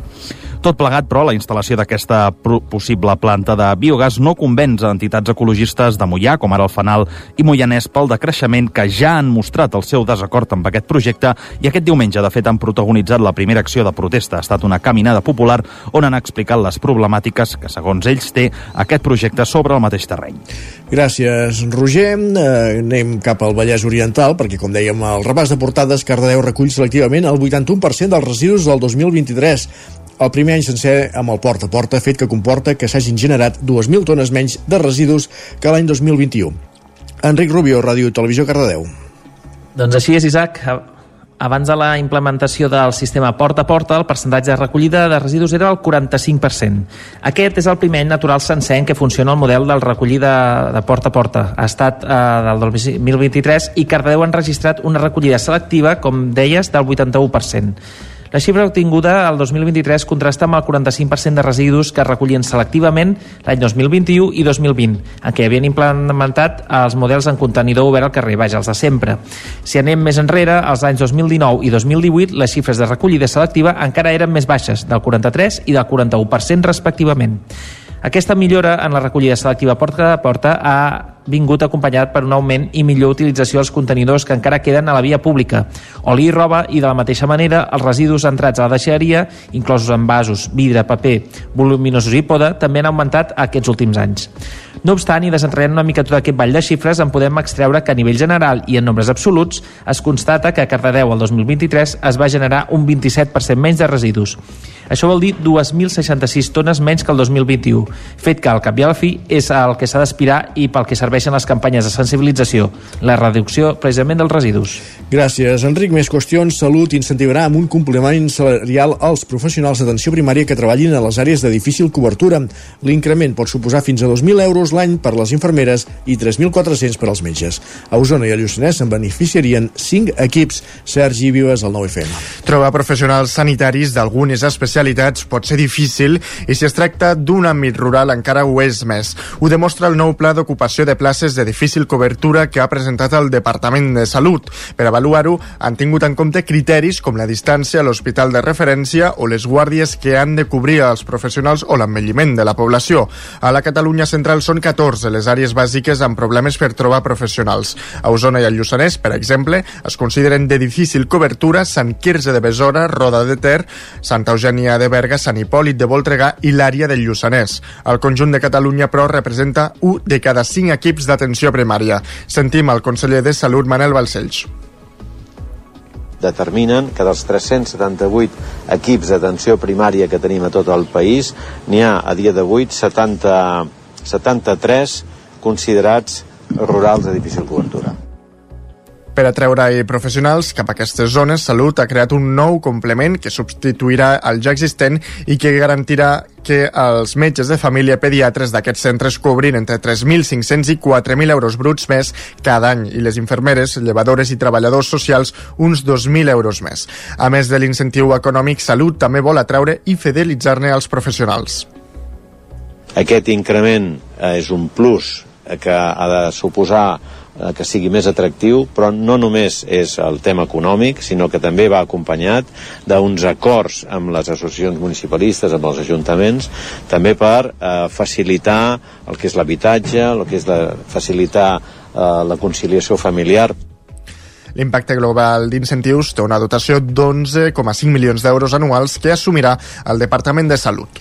Anem ara cap al Ripollès perquè els veïns demanen incrementar la seguretat de la via verda entre la cooperativa dels pagesos i el pont de Parella i que finalitzi el projecte. Estem parlant de la via verda Sant Joan de les Abadesses. Isaac Muntades, la veu de Sant Joan. El propietari de l'hotel Les Planes del Grau de Sant Joan de les Abadeses, Borja Solà i altres veïns de la zona s'han queixat de la problemàtica d'inseguretat que es produeix a la via verda que passa pel davant de l'establiment per la convivència entre cotxes i bicicletes. La zona complicada és el tram d'uns dos quilòmetres de llargada entre la cooperativa dels pagesos i més enllà del pont de Parella, a tocar del restaurant del Repunxó. Un traçat que es va deixar per l'últim, ja que el camí ja existia i connecta amb el tram de Sant Pau. Per tant, els ciclistes ja podien passar-hi. Solà denuncia que ara el projecte està aturat. Tots els veïns ja havien firmat les expropiacions adequades perquè es pogués portar a terme el projecte. Va quedar parat per una queixa veïnal de que no estaven d'acord amb l'expropiació que els hi tocava amb ells. Ha quedat aturat, no està revisat, perquè entenc jo, no han escoltat cap de les nostres propostes que els hi donàvem per, perquè el projecte es pogués fer igualment sense haver de passar pel camp dels veïns aquests. Solà comenta que es va proposar ampliar el marge de dalt del camí actual sense arribar als terrenys d'aquest camí o fer un petit voladís per la banda del riu i eixamplar el pont. El director dels serveis territorials de territori de Girona, Sergi Albric, ha negat que el projecte estigui paralitzat, sinó que segueix els tràmits pertinents. El Departament de Territori en cap cas té el projecte de Via Verda entre el pont dels Pagesos i Parella de Sant Joan de les Abadeses aturat, sinó el que està fent és una revisió del traçat doncs, que en el seu moment es va plantejar. Era un traçat que a priori doncs, eh, tenia una afectació important a nivell d'impacte ambiental, ja que tenia un impacte important en els planes agrícoles existents, amb la construcció d'una nova passera, per aquest motiu, des de territori asseguren que calia replantejar el projecte perquè tingués el menor impacte ambiental. Per Solà, el problema principal és la seguretat viària, ja que és un camí compartit per bicicletes i cotxes i els ciclistes no ho saben, segons diu. És per això que ja s'ha produït algun ensurt. Aquesta és la seva reclamació. Hi ha uns desnivells bastant grans aquí a la pujada de la central hidroelèctrica i els ciclistes no s'esperen que hi hagi cotxes, perquè tampoc està indicat. Nosaltres un dels requeriments que dèiem és, mentre no desencalleu el projecte, senyalitzeu que és un camí mixta de cotxes i bicicletes perquè els ciclistes estiguin avisats de que pot haver-hi cotxes. Solà apunta que el camí està en mal estat i les baranes també. En aquest cas, el Bric assegura que s'hi ha posat remei en les darreres setmanes. A les últimes setmanes el que s'ha fet és, és incrementar diguem la seguretat del tram, eh, ubicant a través del Consorci de Vies Verdes diguem cartells i senyalització doncs, que indiquen doncs, que eventualment doncs, per aquest camí existent doncs, hi passen vehicles i per tant doncs, per incrementar doncs, la màxima seguretat. El BRIC també assenyala que els projectes sobre les vies verdes de la comarca continuen avançant, ja sigui executant-se, licitant-se o redactant el projecte. Gràcies, Isaac. Més qüestions. La Mancomunitat La Plana crearà un cos propi d'agents cívics amb l'objectiu que operin periòdicament els 13 pobles mancomunats, donant un cop de mà als veïns i als ajuntaments pel que fa als temes de gestió de residus, Sergi. És una línia de treball que s'emmarca en el primer pla de mandat de la història de l'ENS, un full de ruta que s'ha d'executar entre ara i el 2027 i que l'Assemblea validava per unanimitat dijous passat. Les funcions d'aquest cos d'agents cívics les explicava el president de la Mancomunitat, Pere Medina des de millorar les incidències que tenim amb el porta a porta, fent incidència amb aquells habitatges reincidents que no fan de forma acurada la, la, la, el treure el del cubill que toca en el dia que toca, des de controlar les àrees d'emergència o controlar també temes de, de dejeccions d'animals no? que hi ha en la via pública, que és un tema que preocupa els diferents electes dels diferents municipis. Un servei, doncs, que la Mancomunitat vol sumar als ja actius entre ara i el 2027. També se'n destaca un altre, la creació d'una àrea bàsica de serveis administratius. Per poder donar suport eh, als ajuntaments doncs, amb la creació d'una central de compres, que això eh, ajudaria eh, a totes les gestions administratives que són prou farragoses i la burocràcia és prou complexa, doncs, a donar una miqueta més d'agilitat als, als ajuntaments. Altres qüestions que formen part d'aquest pla de mandat són dotar el tanatori de Taradells d'una sala multiconfessional, ampliar el de Tona pedalant de bracet amb l'Ajuntament o posar en marxa una escola d'adults que complementi les activitats que ja s'ofereix a la gent gran.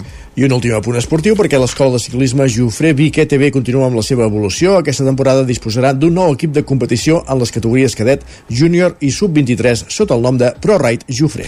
En aquest sentit, l'escola Jofre i el Vic ETB han trobat la complicitat publicitat de la marca ProRide, la línia de productes de neteja i manteniment elaborada per l'empresa bigatana Proquímia, que els permetrà fer més desplaçaments fora de l'estat i fins i tot alguna cursa internacional. Ho explica el responsable de l'escola, Josep Jofre. Uh, la gran uh, possibilitat de que uh, doncs la Club Natació d'ICTV fa un acord amb, amb Proquímia, uh, concretament amb aquests productes ProRide, productes per netejar la bici i el seu manteniment i això doncs, ens, dona, ens dona força per poder, per poder tenir aquests equips, poder-nos desplaçar fora eh, poder equipar tot, tota aquesta canalla i joves que tenen ganes de, de córrer, competir i passar-s'ho bé.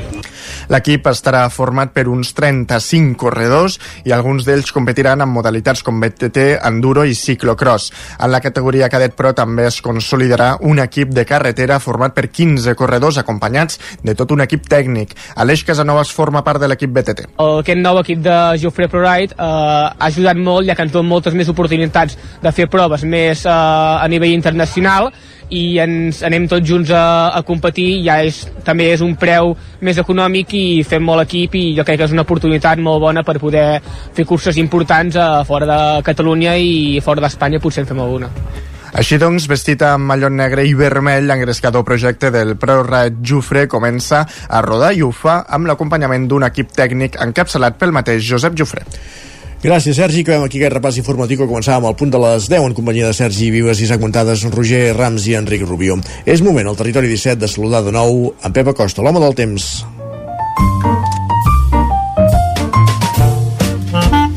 Casa Terradellos us ofereix el temps. Tornem a una codinenca, Pep Acosta, benvingut de nou, bon dia. Molt bon dia. Ens torna a afectar una uh, falca anticiclònica.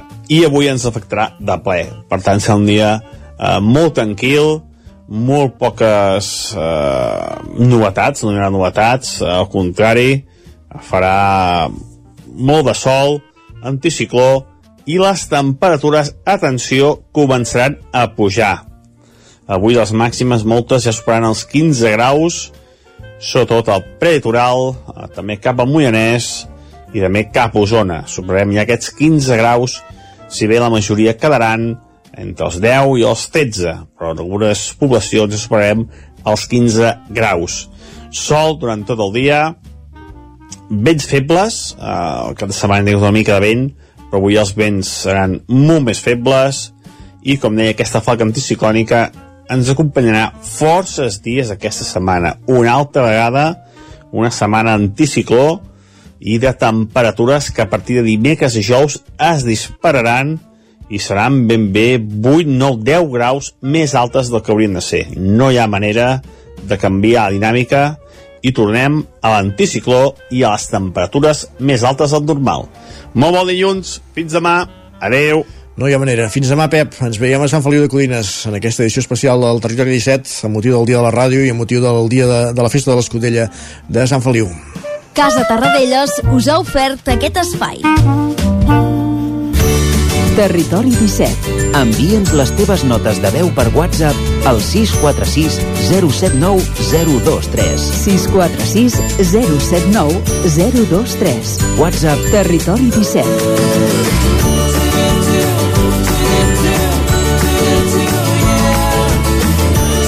Territori 17. Som a Facebook, Twitter i Instagram amb l'usuari Territori 17. 30 segons i serà un quart d'onze del matí.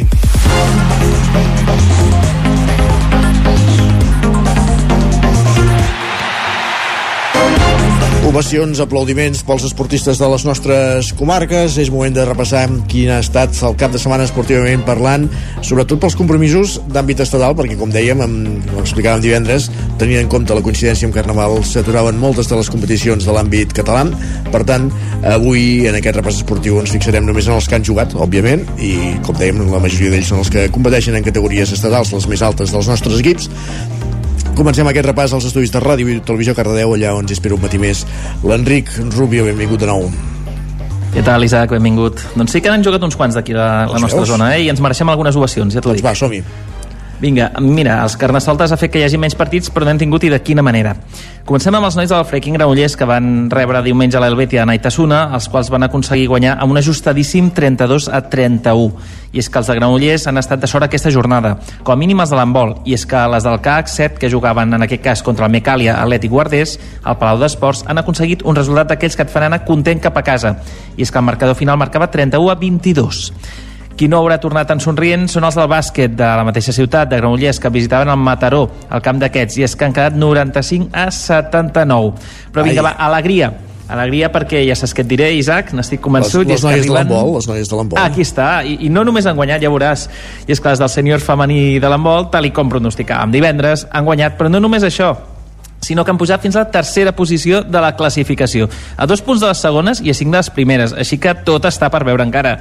I res, seguint amb l'embol de Cardedeu, que sí que han tingut bastants partits en aquest cas, qui no ha aconseguit guanyar han estat les del cadet femení, quedant 20 a 19 contra el Sant Boi, les del Benjamí, amb un 12 a 4 contra la Roca, ni les de l'infantil, que han rebut el Poble Nou i han quedat 23 a 29. No obstant, i com sempre, ja que m'agrada acabar bé, us diré que les que sí han guanyat han estat les del juvenil per un aclaparador 32 a 14 contra el Vilamajor, derbi dels macos aquí a la zona, i les del DMM Cardedeu que han arrencat a les franqueses un 17 a 22. Aquest és un equip eh, inclusiu que us en parlarem us en parlaré les properes setmanes. Perfectíssim, gràcies Enric.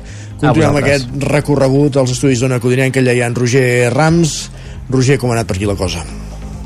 Doncs bé, avui un repàs que, com ara apuntàvem, eh, més curt que del normal, perquè les competicions esportives, doncs, en la seva majoria han aturat el calendari habitual pel Carnaval, però, com sí que hem tingut activitat en les competicions estatals, ara ho apuntaves, Isaac, en el cas de l'hoquei patins, a la màxima categoria, l'hoquei Lliga, el rec amb les arcaldes ha empatat a 3 a la pista del Sant Just.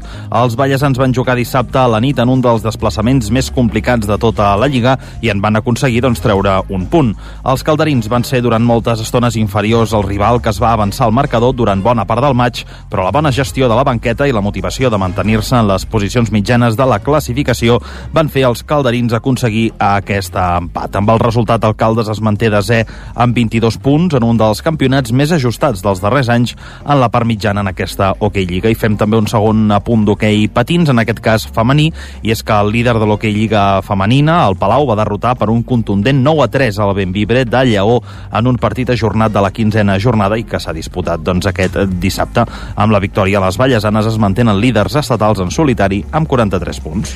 Perfectíssim, gràcies Roger. Per cert, demà actues com a anfitrió, et venim a visitar a casa vostra, a Sant Feliu de Codines, en aquesta edició especial que farem del Territori 17 amb motiu del Dia de la Ràdio i amb motiu també de, de la Festa de l'Escudella. No sé si ja comença a fer olor d'Escudella al poble avui. Ah, està tot ja mig, eh, mig preparat i, evidentment, doncs, eh, farem d'anfitrions aquí a una codinenca de la millor manera, acollint-vos a, a tots els del Territori 17, a la família del Territori 17, aquí a Terres Vallesanes, i viurem, viurem un, dia, un dia intens, un dia gastronòmic i un dia de ràdio, perquè és el Dia Mundial de la Ràdio, per tant, també en farem el nostre petit homenatge des d'aquí. Serem, com no pot ser d'altra manera, a la plaça Josep Humbert Ventura. Fins demà, Roger, gràcies. Que vagi molt bé, ens veiem demà. I nosaltres continuem aquest recorregut esportiu, per, aquesta roda esportiva per les emissores del Territori 17, els estudis del 9FM, on ja hi tenim en Guillem Freixa per repassar el que ha donat de si esportivament parlant. El cap de setmana a la comarca d'Osona, com a tot arreu, amb menys activitat que altres caps de setmana, però la que hi ha hagut també val la pena destacar-la, Guillem. Sí, exacte, cap de setmana a mig gas a nivell eh, esportiu, però sí que han jugat alguns dels principals equips de la comarca d'Osona.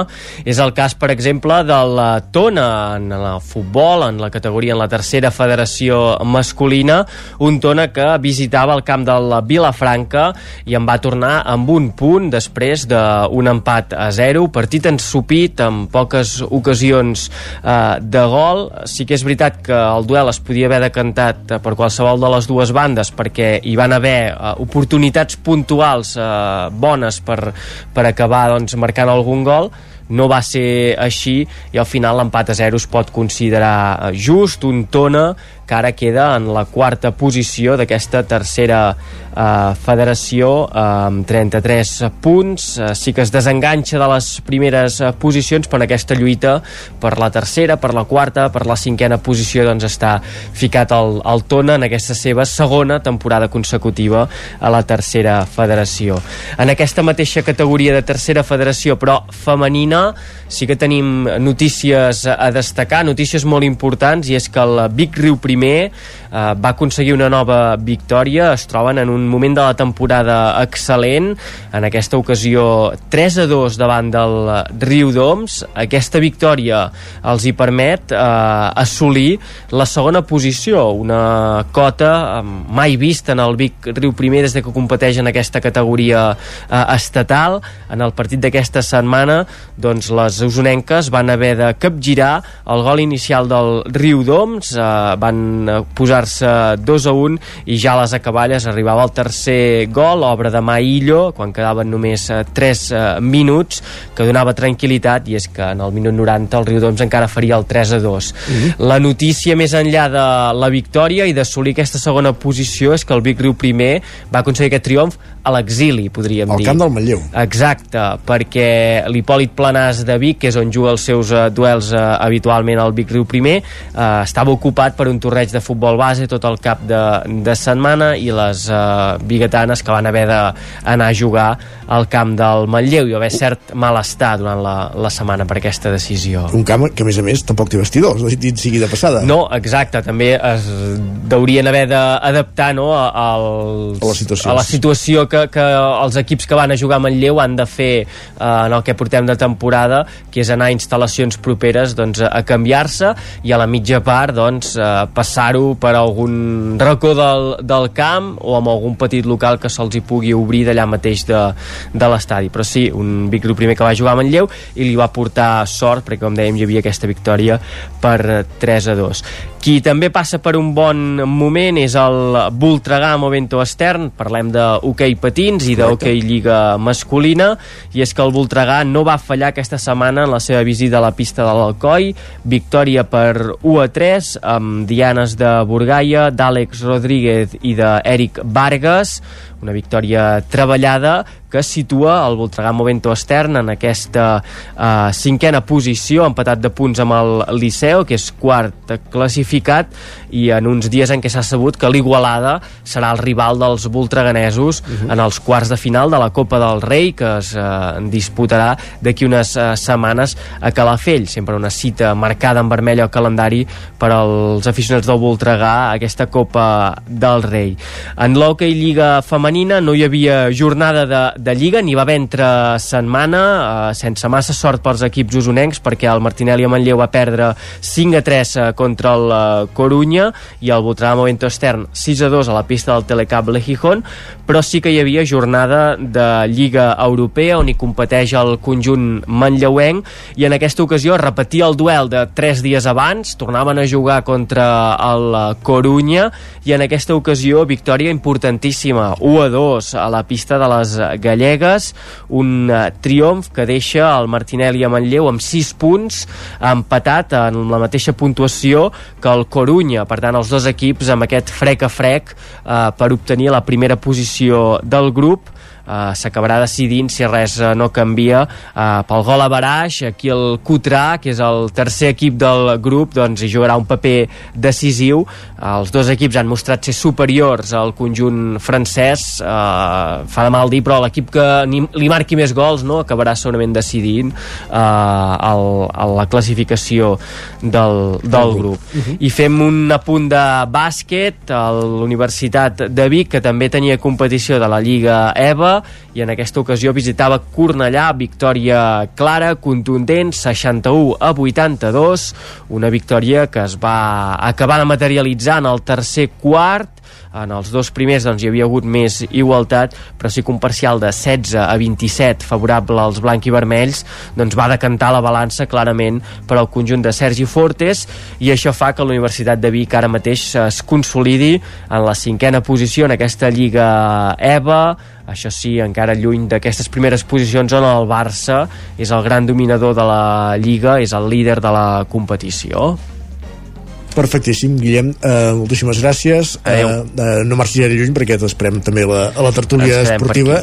com a bon aficionat i, i soci del, del Girona en un cap de setmana per oblidar, per entendre'ns eh? Exacte, sí, sí, no ha anat massa bé la cosa. Uh, parlarem després, eh? però bàsicament és dels que pensen que ara ja sí que ja no hi ha opcions a la Lliga no, jo crec que ja era molt difícil fins ara i aquell bri d'esperança que et donava sumar els 3 punts al Bernabéu, posar-se líder, una injecció, s'ha vist que aquesta Lliga, el Madrid és clar dominador, superior a la resta mm, i jo crec que ja és qüestió de temps de, de quan cau aquest títol per al Madrid. No, no tinc cap esperança perquè tot el que arribi així em, em, serà, em serà positiu i em serà una alegria encara més gran. Però sí que és veritat que els dos compromisos del Girona, entre el Girona i el Madrid han acabat de la, sí. de la banda blanca i això eh, de cara als al resultat final de, de la competició evidentment té, sí. té conseqüències. Sí, ho podem comentar a la tertúlia però sí que és veritat aquest, aquest factor no? que el Girona ha competit absolutament absolutament contra tots els equips de la, de la Lliga, ja estem a entrada a la segona volta, per tant ja ha jugat un cop contra tots els equips, contra tothom ja, ja ha competit, fins i tot ja ha fet podríem dir contra tothom molt bones actuacions i en canvi amb el Madrid tant eh, a Montilivi com, al Bernabéu doncs ha vist un, un Madrid que ja ha passat per sobre podríem, podríem dir i amb poques, amb poques opcions. El Girona sí que arribava condicionat però sí que el Madrid va ser molt superior que no justifica les, les baixes. Per tant ara, ara en parlarem però sí que és, és, és així. I no sé quin és el motiu però el Madrid ha sigut clarament superior tant Ancelotti ha guanyat la partida dues vegades a Mitchell. A Mitchell, sí, exacte. Gràcies Guillem, parlem d'aquí estona, fins ara nosaltres avancem al territori 17, ara en parlarem del Girona, parlarem del Barça, parlarem del Madrid, parlarem de l'Espanyol a la tertúlia esportiva. Abans, però, eh, una petita pausa per la publicitat i les piolades, perquè com cada matí repassarem el més destacat, que hem trobat a X, a Twitter, en companyia d'en Guillem Sánchez. Per tant, ara, com dèiem, una petitíssima pausa i recta final del territori 17. Ens endinsem primer, ens capbuncem a Twitter, a X, i acte seguit tertúlia esportiva amb Guillem Freixa, amb Isaac Montades, amb Lluís de Planell, amb els tertulians habituals. El nou FM, la ràdio de casa, al 92.8. Ho han dit avui, el nou FM? Ai, no ho he pas sentit. Tot té solució. Recupera programes, seccions i entrevistes del nou FM al 9fm.cat. Des de ben petit tindré un somni que és obrir un restaurant. Han sortit moltíssims llibres. Et demanen dades que, per altra banda, l'administració ja hauria de tenir. I ja no com a ramadera, sinó com a ciutadans. Nosaltres intentem que tothom pugui marxar amb un croissant. I trobaràs també tots els nostres podcasts. L'infopodcast del 9-9, cada matí a partir de dos quarts de vuit. I comencem parlant d'un tema punyent. Persones que passen per moments de gran dolor. L'infopodcast del 9-9. La lupa d'Agustí Danés cada divendres. La lupa. Agustí Danés. Els aniversaris. Cada vegada vivim més anys i cada vegada hi ha menys naixements. La combinació d'aquestes dues evidències distorsiona la piràmide d'edat. 60 Paraula d'enfruns, el nostre podcast de llengua cada dimecres. Quan escoltem ho fem voluntàriament i en canvi sentir, podem sentir moltes coses encara que nosaltres no vulguem. Bruixes del dia, el podcast de dones i bruixes de Laura Centelles i Maria Saladic. Estàs escoltant Bruixes del dia. La meva relació amb la mort és totalment diferent, perquè jo morts, diguéssim, físiques d'un cos, n'he vist crec que una a la meva vida. Feeling de 5, l'actualitat de casa nostra en anglès. Hello and welcome to Filling the Sink, a podcast from Catalan News. My name is Lucía I també tots els relats finalistes del concurs de narrativa curta del 9-9. He despertat a mig de la foscor. Tinc la boca seca i els ulls El 9fm.cat, la ràdio en línia i els podcasts del 9FM. Cocodril Club. Si t'agrada la bona música dels anys 60, 70 i 80, escolta el 9 FM els matins de dissabtes i diumenges d'11 a 1. És el temps del Cocodril Club, tot un clàssic de la ràdio, amb les bases del pop-rock, les llegendes, les cançons que s'han convertit en autèntics himnes. Recorda, dissabtes i diumenges al matí, d'11 a 1, al 9 FM 92.8. Cocodril Club, el programa revival de l'Albert Malla. Hasta luego, cocodrilo. T'imagines un programa de política, d'economia, feina... Doncs ja te'n pots oblidar. Quin tinglado! Un programa d'entreteniment, actualitat, cultura i molt rigorós. Amb Bata Serrat, Miquel Giol i Eudal Puig. Un programa que no passarà a la història i que tampoc guanyarà cap ondes. No ens flipem. Escolta'l cada dijous en directe de 8 a 9 del vespre al 9 FM. Ai, ai, ai, quin tinglado! En punt, dos quarts d'onze, al territori 17.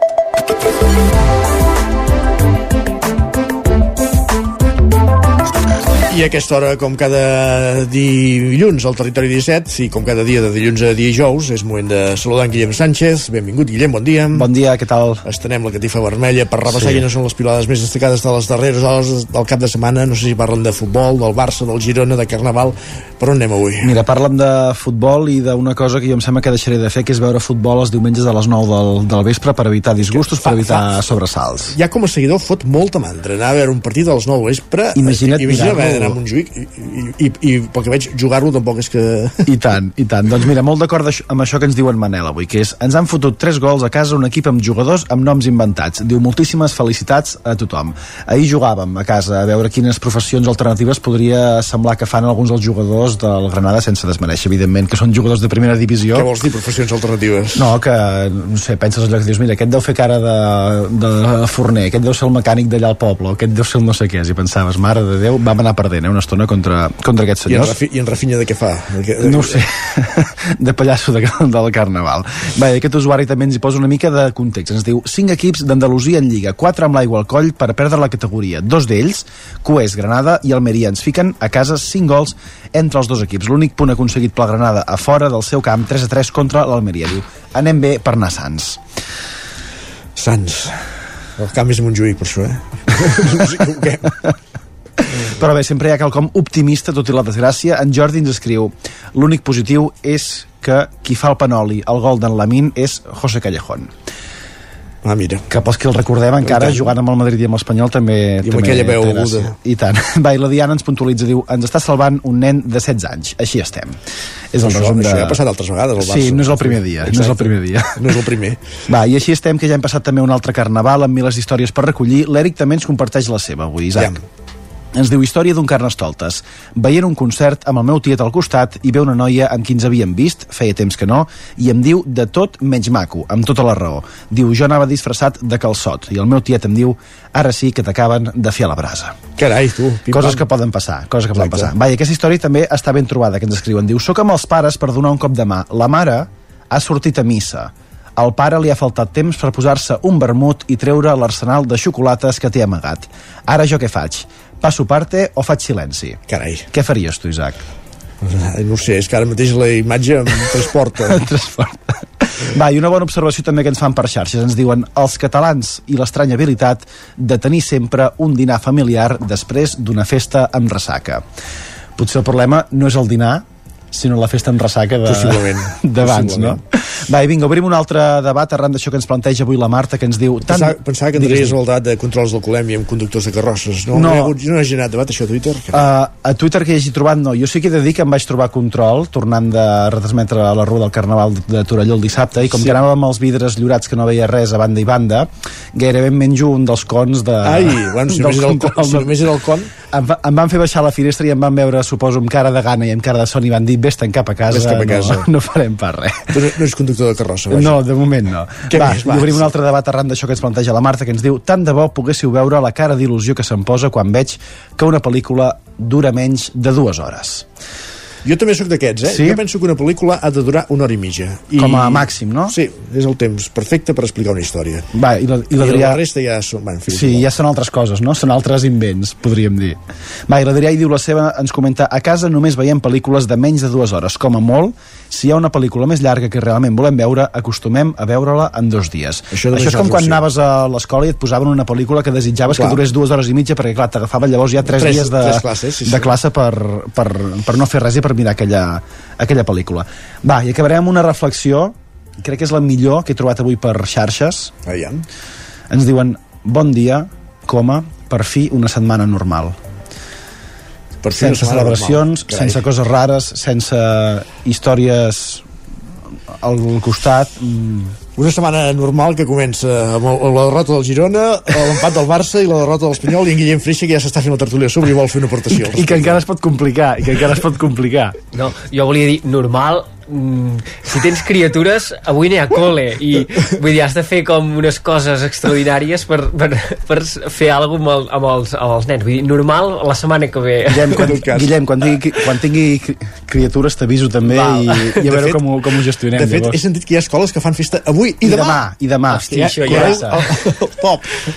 Perquè, clar, porten molts dies fent moltes classes intenses Exacte. amb el carnaval i deuen estar que no s'aguanten. Va, gràcies, Guillem. Que vagi molt bé. Tertúlia esportiva.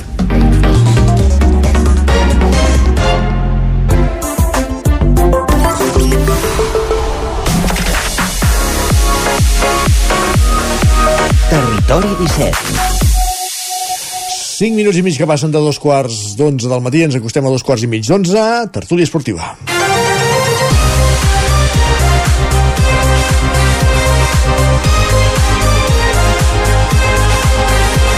Als estudis del 9FM amb en Lluís de Planell i en Guillem Freixa, benvinguts tots dos.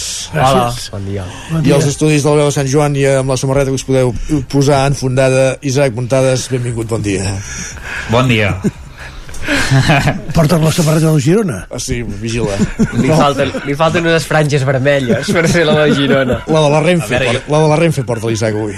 Exacte. Jo us vaig dir que intentaria cada, cada dilluns a partir d'ara portar la camiseta del Madrid. La setmana passada no, no, la, no la vaig poder perquè estava per rentar i avui he tornat no, a posar Avui ja ho estava bruta, no? Després de la celebració de dissabte, no? No, perquè no me la vaig posar, no, no, Ah. me l'he guardat expressament per avui, perquè la pugueu contemplar i, i gaudir. És blanca, avui Sí, tampoc no té gaire res, veure. Bueno, però s'embruta molt fàcilment el blanc, eh? Això sí, és veritat, eh? Sí, Sí, sí, porta sí. fàcilment el blanc. És veritat. Sí. En fi, eh, abans ho avançàvem, fèiem una avançada amb en Guillem Freixa, eh, gairebé la, podem dir que la, la Lliga està decidida i sí que és veritat que hem parlat de moltes situacions rebuscades al llarg d'aquesta competició, però els dos duels directes, Madrid-Girona, han acabat de la banda madridista.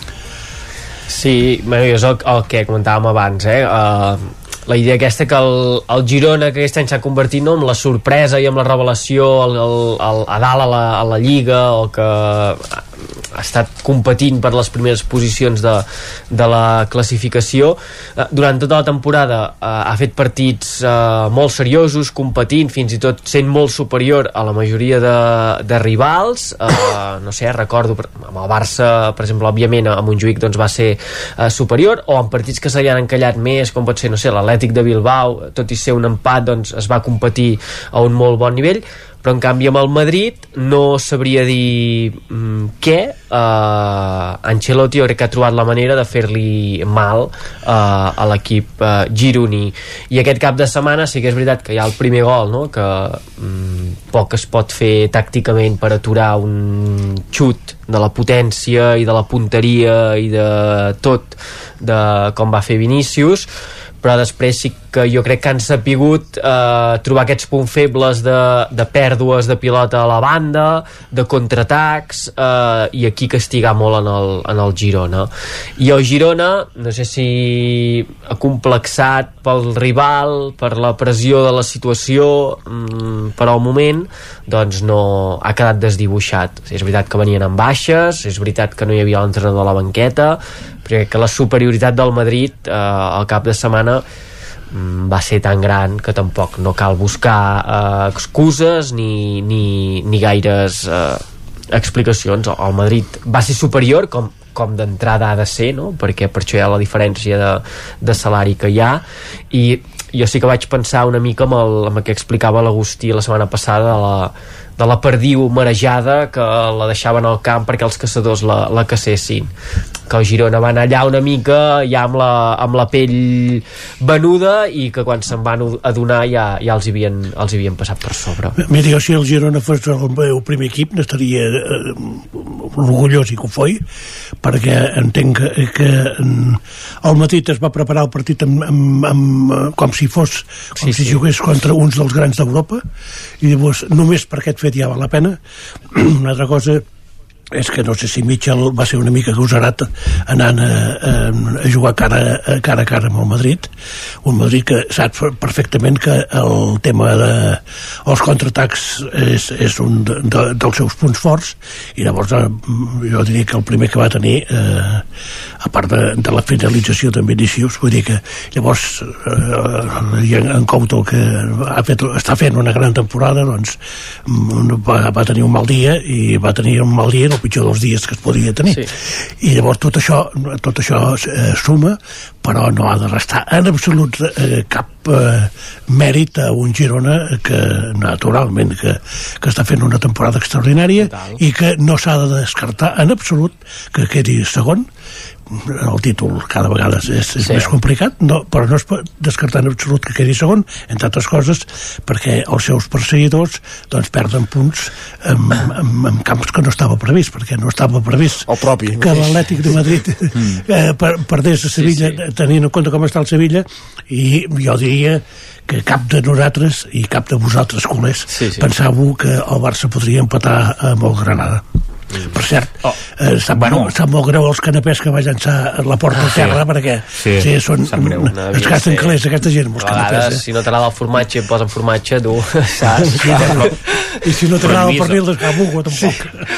El, el tema del Granada realment sí que ens ho podíem pensar, perquè ens sembla que el Barça de Xavi encara no ha estat capaç de guanyar el Granada, no sé si amb 3 o 4 partits que, que han jugat, vull dir que, que realment és una dada curiosa, però, però deixant centrant-me en el partit una mica del Madrid i el Girona home, doncs aquesta temporada el balanç és de 7 a 0 a favor del Madrid en els dos partits i el Madrid en els dies que, que ha hagut de competir que si jugava a les Garrofes el dia important, el dia clau, el dia D doncs ha, ha funcionat i, i ha passat per sobre de, del Girona i a més a més un Madrid que té molt de mèrit jo sempre ho diré, segurament és dels equips que té més mèrit perquè recordem que juga amb un porter suplent que a principi de temporada havia de marxar perquè Courtois té els lligaments eh, encreuats trencats té els dos centrals lesionats amb lligaments encreuats, Militao i Alaba. Alaba ja no podrà jugar aquesta temporada, Militao veurem si el tenim al mes de, de març a finals de març igual que, que Courtois pot tornar. Recordem que tampoc hi havia Rudiger que, que es va fer mal eh, contra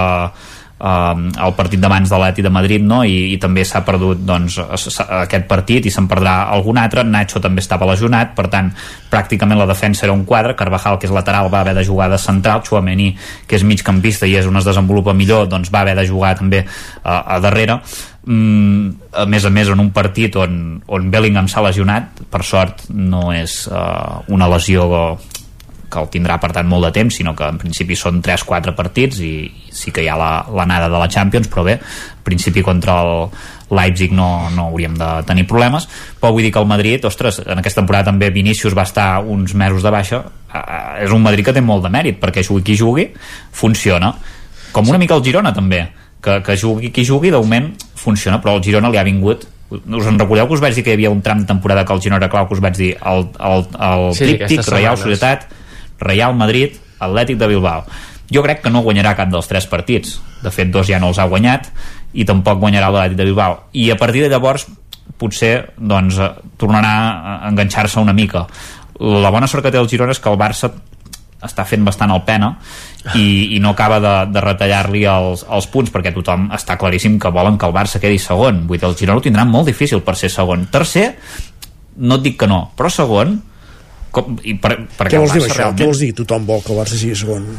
Home, eh, sobretot a la Federació Espanyola, no? Perquè a la Supercopa de, de l'Aràbia Saudita eh, em sembla que perden no sé si són 5 o 6 milions si no hi va, si no, el va, no hi va el Barça, hi va Però un altre equip. N'hi van 4, no? n'hi van 4, però el Barça ara mateix eh, per via Copa del Rei no hi va raó, i només li queda ser segon de Lliga a menys que l'Atlètic de Madrid però... eh, quedés, bueno, arribés a la final de la, de la Copa del Rei i llavors el Girona no quedés bueno, quedés l'Atlètic de Madrid segon cosa que ara tampoc veig molt, molt clar i el Barça quedés tercer, no? o alguna cosa així sí. bueno, l'únic que, uh, vull dir, potser també serà la manera de desmuntar aquesta tonteria de la Supercopa d'anar allà a fer partits raros a... Hi ha contracte fins no sé quin any. Sí, sí, ja, ja, però vull dir, esclar, vull dir, si... Però 8 milions, eh? Ja, ja ho sé, ja ho sé, no, però vull dir... No, parlem de tonteries, eh? 8 milions té el Barça per anar a fer un, sí, sí. una petxanga allà... Eh, bueno, coses d'aquest futbol, d'aquest futbol modern. El Barça és que costa trobar explicació a, a tot plegat perquè perquè és, jo crec que és una pel·lícula que ja l'hem vist aquest any algunes vegades, no? Un Barça que, que comença guanyant, que ve d'una dinàmica positiva, no? Perquè ara es venia de, de tres victòries eh, seguides. Sí, però quin, quins rivals, eh? No, bueno, sí, quins rivals, però es venia de tres victòries consecutives, es els tres punts, que en el moment en què està el, el Barça, doncs tot és, tot és benvingut. I, eh, o sigui, es posen per davant, eh, els hi empaten, el partit es complica molt, et tornes a posar per davant i acabes deixant escapar el partit. No, Això ja ha passat... No es va posar una 2 al Granada? Però s'arriba a posar 3-2, no, el Barça? No. No? no ah, no, no, acaba no, empatant, no. acaba empatant la Min Yamal. Acaba Doncs, empatant. no, vull dir, o sigui, un partit que, se't, mm. que el, el tens més o menys controlat, se't descontrola, sembla que el tornes a tenir controlat, perquè quan va marcar la Min Yamal al 3-3, crec que encara quedava bastant, quedava temps Quedaven més de 10 minuts, més 18 minuts. per, per, 10 per acabar de, 8 de, afegit. de fer i, i, i, i no. I jo anava, uh, anava mirant i anava escoltant també uh, Catalunya Ràdio en aquest cas i em va, em va agradar molt algun comentari que feien de dir és que no hi ha, no hi ha actitud d'anar-hi de, de, de, ostres que ho hem de tirar endavant ni al terreny de joc ni a la grada vull dir, és, jo crec que és una desconnexió total ara mateix la que hi ha amb, amb, el, amb el Barça i que jo crec que és fruit també una mica de, de la situació en què hem arribat no? un entrenador que ja ha dit que marxaria al, al juny, uns jugadors que n'hi ha alguns que també ja pensen més a on poden continuar el seu projecte de joc, no? ha dit que o ha dit que estaria disposat a, a, a marxar si fes falta, en canvi Lewandowski no però vull dir, és, és tota una, una situació Lewandowski no pot anar enlloc ja, eh? bueno, no pot anar enlloc Aràbia. no trobaria Aràbia, exacte, Aràbia o Aràbia. sospina. Sí. dir, eh, una, Sí, sí. és una, com una apatia total en un moment en què, que hi ha aquest, ara es parla d'aquesta anècdota de, de la porta que va tirar els canapés mm, bueno, Molt doncs, malament, eh, aquest missatge de tirar els canapés, de tirar Home, el I menjar. en plena llotja del Camp Nou, ai, del Camp Nou, Sí. no, que no en teniu. però vull dir, a vegades algú, algun, algun cop sobre la taula d'algú que, ostres, tu, una mica d'amor propi, una mica de, de, de no sé, de, mm, És que el Granada havia fet un gol amb tota la lliga fora de casa. és que clar, Un 3 gol. a 3 amb el Granada a casa és que, Clar, ostres, dir, no, molt, molt bé, no, eh? no, És que els últims partits del Barça són 5 que, te'n va fotre el Villarreal, 4 que te'n va fer el Madrid, Sí. 4 que te'n va fer l'Atleti de Bilbao, I a més- eh, 3 del Granada. Esclar, en Xavi anava dient lo de l'equip en construcció. Vull dir, estic un equip en construcció de quan construeixo és la cosa ara- va ara- més. ara ja no Exacte. Però vull dir, uh, clar, l'any passat Ara el està en Barça... L'any passat el Barça es va caracteritzar precisament per potser en atac no fer virgueries, però en canvi a darrere tenir les coses molt clares. On, on ha anat a parar tot això? vull dir, què, què, què ha passat? No, no, no ho puc arribar a entendre. No, no, això no, no em, em, supera. I llavors això, que el fet de passar tota aquesta situació en un camp en què no és el teu en un estadi on el soci doncs ha dit que no hi anava eh, que l'agrada mm, es veu que ahir semblava Pequín Bueno, és que clar, eh, també és una font d'ingressos eh, Ja, vendre esclar, entrades. però és que vols, Però- que, vols que animin el Barça No, no, no, és evident, però per això et dic que s'ha desconnectat.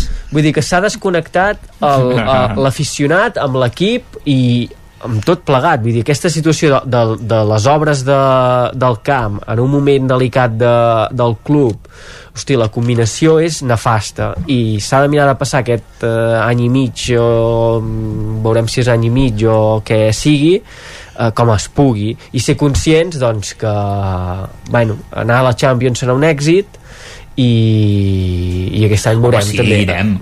Mireu a la Champions. Sí, però per això et dic que mm, sí. hem d'oblidar-nos d'aquells anys en què es lluitava per tots els títols, es guanyava tot, perquè ara mateix no, no, no, hi, ha, no hi ha matèria primera com per, per buscar això. I repeteixo, jo no sé com acabarà aquesta setmana tot plegat, però jo continuo sense entendre lo de, lo de Xavi, no? aquesta idea de mm, me'n vaig, plego, però el 30 de juny. Hosti, uh, perquè passaran coses com lo d'aquest dissabte, que sembla que tothom estigui Sí, desconnectat. però qui vols posar-hi? No ho sé, uh, i fotin... Vull dir, quants equips ja han, ha marxat el primer entrenador i han posat... Uh... El segon no, eh? No, el segon no, però en, no sé, en Márquez que el posin ja de primer entrenador... Oito, el, el de Costa d'Ivori va, el van fotre fora mig va dimitir, mig el van fotre fora a la primera fase de grups que havia fet una fase de grups nefasta i al final van posar Campions, no, no? sé qui, no, sí, no sé qui era i han acabat campions contra pronòstic i de miracle Bueno. vull dir, mai se sap no? poder és un revulsiu eh, posar un entrenador encara que sigui doncs eh, no sé Sí. Però les provisionalitats mai són bones, però provisionalitats amb la persona al davant, que ja saps que no hi serà, hosti, jo crec que encara és pitjor. O sigui, si ara marxés Xavi i posessin un altre entrenador provisional, Uh, bueno. hauria de ser algú de la casa, eh, l'entrenador provisional, perquè Ramis, una persona posem-hi. mínimament vol, vol un projecte i vol poder tenir l'estiu per treballar. El problema és que darrere et ve Márquez, que és un tio amb ambició. Sí. Que no et, uh, no et dirà, tu jo estic aquí fins al juny i després m'aparto. Uh, bueno, és el problema de tenir um, figures destacades en el filial, no? Clar. Sí. Però era una figura com a jugador, com a entrenador, Sí. de moment en Márquez no, no, no, no, té però, gaire carrera. però té ambició vull dir, és el que et dic que no, no, ell no voldrà Sí, sí, sí. sí. no passarà amb tu i jo pel club el que sí, que això segurament t'ho hagués fet en el seu moment García Pimienta, no? quan, quan era entrenador del, del filial això sí que t'ho hagués acceptat, molt probablement Uh -huh. però Márquez no Uh, quedarà un de, amb feina d'entrenador, eh? Ramis, tot apunta. No ens el recomanes tampoc, eh? Uh, oh, sí, sí, sí, sí, veus? Pel Barça sí, eh? Sí, Pel Barça sí. Estaria bé, sí. Sí, sí, ho acabaria de xafar tot. Vull dir que... O sigui, no ha entès res, vull dir que no, no, no ho sé, no, no, no sé per què no dimiteix. Bueno, sí que sí, per què no dimiteix. No calés. Per què no cobra. Però, eh, però pel de més, eh, no ho sé, jo la, la dignitat de les persones a vegades no les entenc. Vull dir que si saps que ets incapaç de, de tirar un projecte endavant, el que has de fer és, és fer un pas enrere, perquè eh, si no te'l fan fer és perquè no hi ha diners tampoc. O no, millor dit, no hi ha ganes de gastar els diners que sí que tens. Perquè aquest és, és un cas diferent el, el del Barça, el Barça no els té. No, no. Eh, el, el Shen Yancheng sí que els té però no se'ls vols gastar. I llavors vull dir que eh, no... és una de les coses que no entenc mm. o sigui, per què una persona que es veu incapaç i això ho va demostrar després de la roda de premsa del partit del Sardinero que es veu incapaç de tirar a l'equip endavant no, no presenta la dimissió senyors, me'n vaig a casa perquè no, eh, no me'n surto i ja dic no sé, no sé si hi haurà canvis o no, o no però si n'hi han millor dit, si no n'hi han dissabte tindrà un partit molt complicat en, a la, Rames eh? a la grada, no? per tant, vull dir que eh, se les sentirà totes vull dir que ja, ja se les va sentir amb els pocs cents que hi havia a, a Santander que van esperar l'autobús de, de, de l'Espanyol per, per demanar a l'entrenador que, que dimitís o exigir-li vaja. Però esclar, llavors eh, Cornellà eh, serà, ho, ho tindrà complicadíssim. Per molt professional que diu que és amb aquestes coses vull dir que tenir eh, a, to a tothom dels teus en contra eh, no, no ho sé si no sé si pots dormir gaire tranquil. Que aquesta també és una, una raresa de, del Barça, no? que amb la situació en què s'està en els partits, la imatge que hi ha hagut i tot, l'afició no, no ha girat el, el punt de mira cap a Xavi. No? En, en el programa de televisió a l'EK0 d'aquí del Nou Televisió, en, en Jaume Parramon sempre ho recorda, que ningú ha, ningú ha criticat a Xavi obertament de l'afició. No hi ha hagut mocadurada a, a l'estadi, no hi ha hagut crits de, de Xavi dimissió... Però, perdoneu, Xavi... però quan socis ja no a la grada? és que, 25? O sigui, a, això es pot llegir d'una manera positiva, no? Una lectura bona de, hosti, l'aficionat doncs no, no apunta cap a l'entrenador, a la figura de l'entrenador, o es pot mirar de l'altra banda, que és que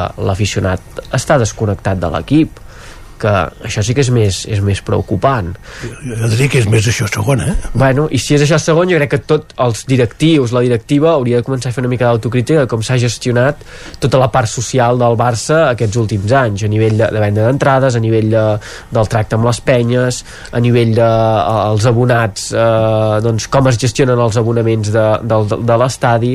Mm, jo crec que aquí s'hauria de fer una, una reflexió molt, molt profunda, tenint en compte que ara hi haurà un estadi nou que s'haurà de, de tornar doncs, a engrescar la gent a, a anar-hi. Mm. I, i primer s'haurà de pagar Sí, és evident que s'haurà de pagar. Oh, jo ho dic perquè, esclar, eh, no ho sé. Uh, s'haurà de trobar la manera el, el Si, Barça si a més d'ençar uns canapés que volen calés, eh, Sí, imagina't. hauran de, no sé, doncs, posar llangonisseta i patates xips de, de, en comptes de canapés, doncs rebaixar una mica. No, el Barça ja trobarà la manera de, de, de finançar-ho segur. L'únic que segur que anirà acompanyat d'anys en què el projecte esportiu se'n ressentirà, que no podràs anar a competir per fitxar um, primeríssimes figures mundials, com ja està passant, no?, de, de fet. Um, I tindràs un gran camp buit. no, perquè la gent, jo crec que l'aficionat del Barça ja hi tornarà al camp. Ah. Ara també la dificultat d'anar a Montjuïc, tu la coneixes, Lluís, que no és un lloc agradable de- d'anar, no? De totes maneres, nosaltres arribàvem amb un cotxe, eh? però no sé. Bueno, han canviat també no, temes de mobilitat a les ciutats, eh, tot ha, ha sigut més dificultós. Mm, no sé, el- De l'aficionat fet, del Barça... És curiós, eh? perquè fan un concert al Sant Jordi i vols anar en cotxe, i en canvi Sí. el futbol no. Sí, és que eh, hi ha, hi ha coses que no s'entenen gaire, eh? però... Doncs potser replantejar-ho Però de això no és culpa cara... del Barça, eh, Lluís? No, No, no, no, no, no, no sé de qui és culpa, però, però no, no té gaire sentit. No, no, Vull dir, cap, ni un. eh, eh, o sigui, el, cost, costava de trobar aparcament, però en trobaves. Sí, sí. I, i nosaltres teníem més abonats eh, durant sis temporades que les que ha tingut el Barça aquest, aquest any. Vull dir que... mm, doncs no- d'arribar no amb cotxe no, potser el Barça haurà de fer pressió perquè es pugui aconseguir aquesta mesura, que es pugui pujar amb cotxe fins a, a dalt de tot i que sigui un incentiu perquè hi torni a anar l'aficionat del Barça de, de tota la... A part que Montjuïc és, un, eh, Montjuïc és un camp icònic per Catalunya, evidentment, però és un camp incomodíssim per jugar a futbol. I, És un estadi icònic. És un, Exacte. sí, és un estadi d'atletisme, no? Exacte. Sí, sí. I llavors vull dir que en, si, si poden fer moltes coses còmodament, però jugar a futbol no. Jo no hi he anat, però he vist allò, imatges d'algun company que, que hi ha anat a veure el futbol i que s'ha situat a, a darrere a un gol i és com veure el futbol a, no sé, a una distància sideral, no? El camp del Vic des del Manlleu, bàsicament. Sí, Jo, jo, des de, jo vaig estar al centre de, de, de, del camp de Montjuïc perquè eh, vam anar amb el Vic a fer un partit d'entrenament amb l'Espanyol quan, quan era allà. I quan veus la, la, la, la porta de, diguem, de, de l'estadi eh, et sembla és això que, que, que sigui a Viladecans sí. o, o, o no, a Mataró perquè tira, tira amunt però vull dir que eh, des, de, des del mig del camp des del centre del camp lluny, ho veus tot lluny sí, sí. i llavors vull dir que imagina't al revés o, o sigui, l'espectador que ha hagut de pagar 50 o 60 euros per posar-se Mhm. darrere la porteria que si vol veure alguna cosa ha suposo ho ha de veure per la pantalla Sí, sí. com el, No, el, no tothom té la sort de- d'estar al Bernabéu, no? que és el millor camp del món, Ah, que a més a més bueno. ara, ara hi tenim taulat retràctil no? per cobrir eh, sí, Ah, el perdó. techo retràctil no? Perdó, per, per, eh. per cobrir quan plou i tot plegat i, vosaltres i per cobriu el que cobriu calent. però el, camp, el millor camp del món és a Cornellà al Prat vull dir que no dubtis això eh? Hòstia, jo, Lluís, he estat els dos, eh? I el Bernabéu és, a mi m'agrada més a més dona la sensació de ser un camp més vertical no? que, que la gent està més a sobre no sé, a mi m'agrada més eh? Més, I, sí, i he estat diverses vegades eh? Més vertical, jo eh, ara, eh, i a més estava amb obres, jo només un cop. Més amunt sí que, que ho veus, però eh, és molt, molt, molt més còmode Cornellà, els peus més a prop. Clar, és que jo sempre l'he vist a prop al futbol, no sé en aquesta, de- en des de aquesta batalla de camps el Girona sí que no hi pot entrar No. perquè Per tot i que motius són obvis. bones localitats eh, les teves Guillem també. Bueno, però vull dir, a nivell d'in- d'infraestructura i de Sí. estructura literal no, Sí. no. És que si... Eh, Hi ha molt recorregut. Si el Girona la, la temporada que ve juga a la Champions eh, haurà de fer una part de grada nova i l'altra la que sí, sí, tancar-la. continua provisional tancar-la. Sí, Vull dir que, està clar, és un contrasentit ex- extraordinari, sí, això, perquè un partit de Champions, imagina't que tens un, un, un, un, Sí, sí, un, un equip de nivell... City. Un, bueno, el Exacte, City no perquè són el mateix grup i no es podrien enfrontar, però tens un, sí, un Inter. Sí, sí, és igual, o el Bayern. Sí, sí, sí. Eh? Vull dir que, eh, I llavors dius, ostres, tu, eh, enmig, o, o una, una quarta part de, del camp buit, no, no s'entén. Sí. Però bueno, és així, és això. Lluís de Planell, Guillem Freixa i Isaac Muntades, moltíssimes gràcies un dilluns més per ser la tertúlia esportiva. Ens retrobem dilluns. Adeu. Adeu, bon dia. Adeu. I acabem també el territori 17 d'avui dilluns, 14 de febrer de 2024, 12 de febrer de 2024. Us hem acompanyat des de les 9, Isaac Muntades, Roger Rams, Pepa Costa, Enric Rubio, Guillem Sánchez, Lluís de Planell, Guillem Freixa, Sergi Vives i Isaac Moreno. I tornem demà a partir de les 9. Serem a Sant Feliu de Codines, en el Dia Mundial de la Ràdio. Fins aleshores, bon dilluns i gràcies per ser-hi. Adéu-siau. Territori 17, un magazín del nou FM, Ona Codinenca, Ràdio Cardedeu, Ràdio Vic i La Veu de Sant Joan, amb el suport de la xarxa.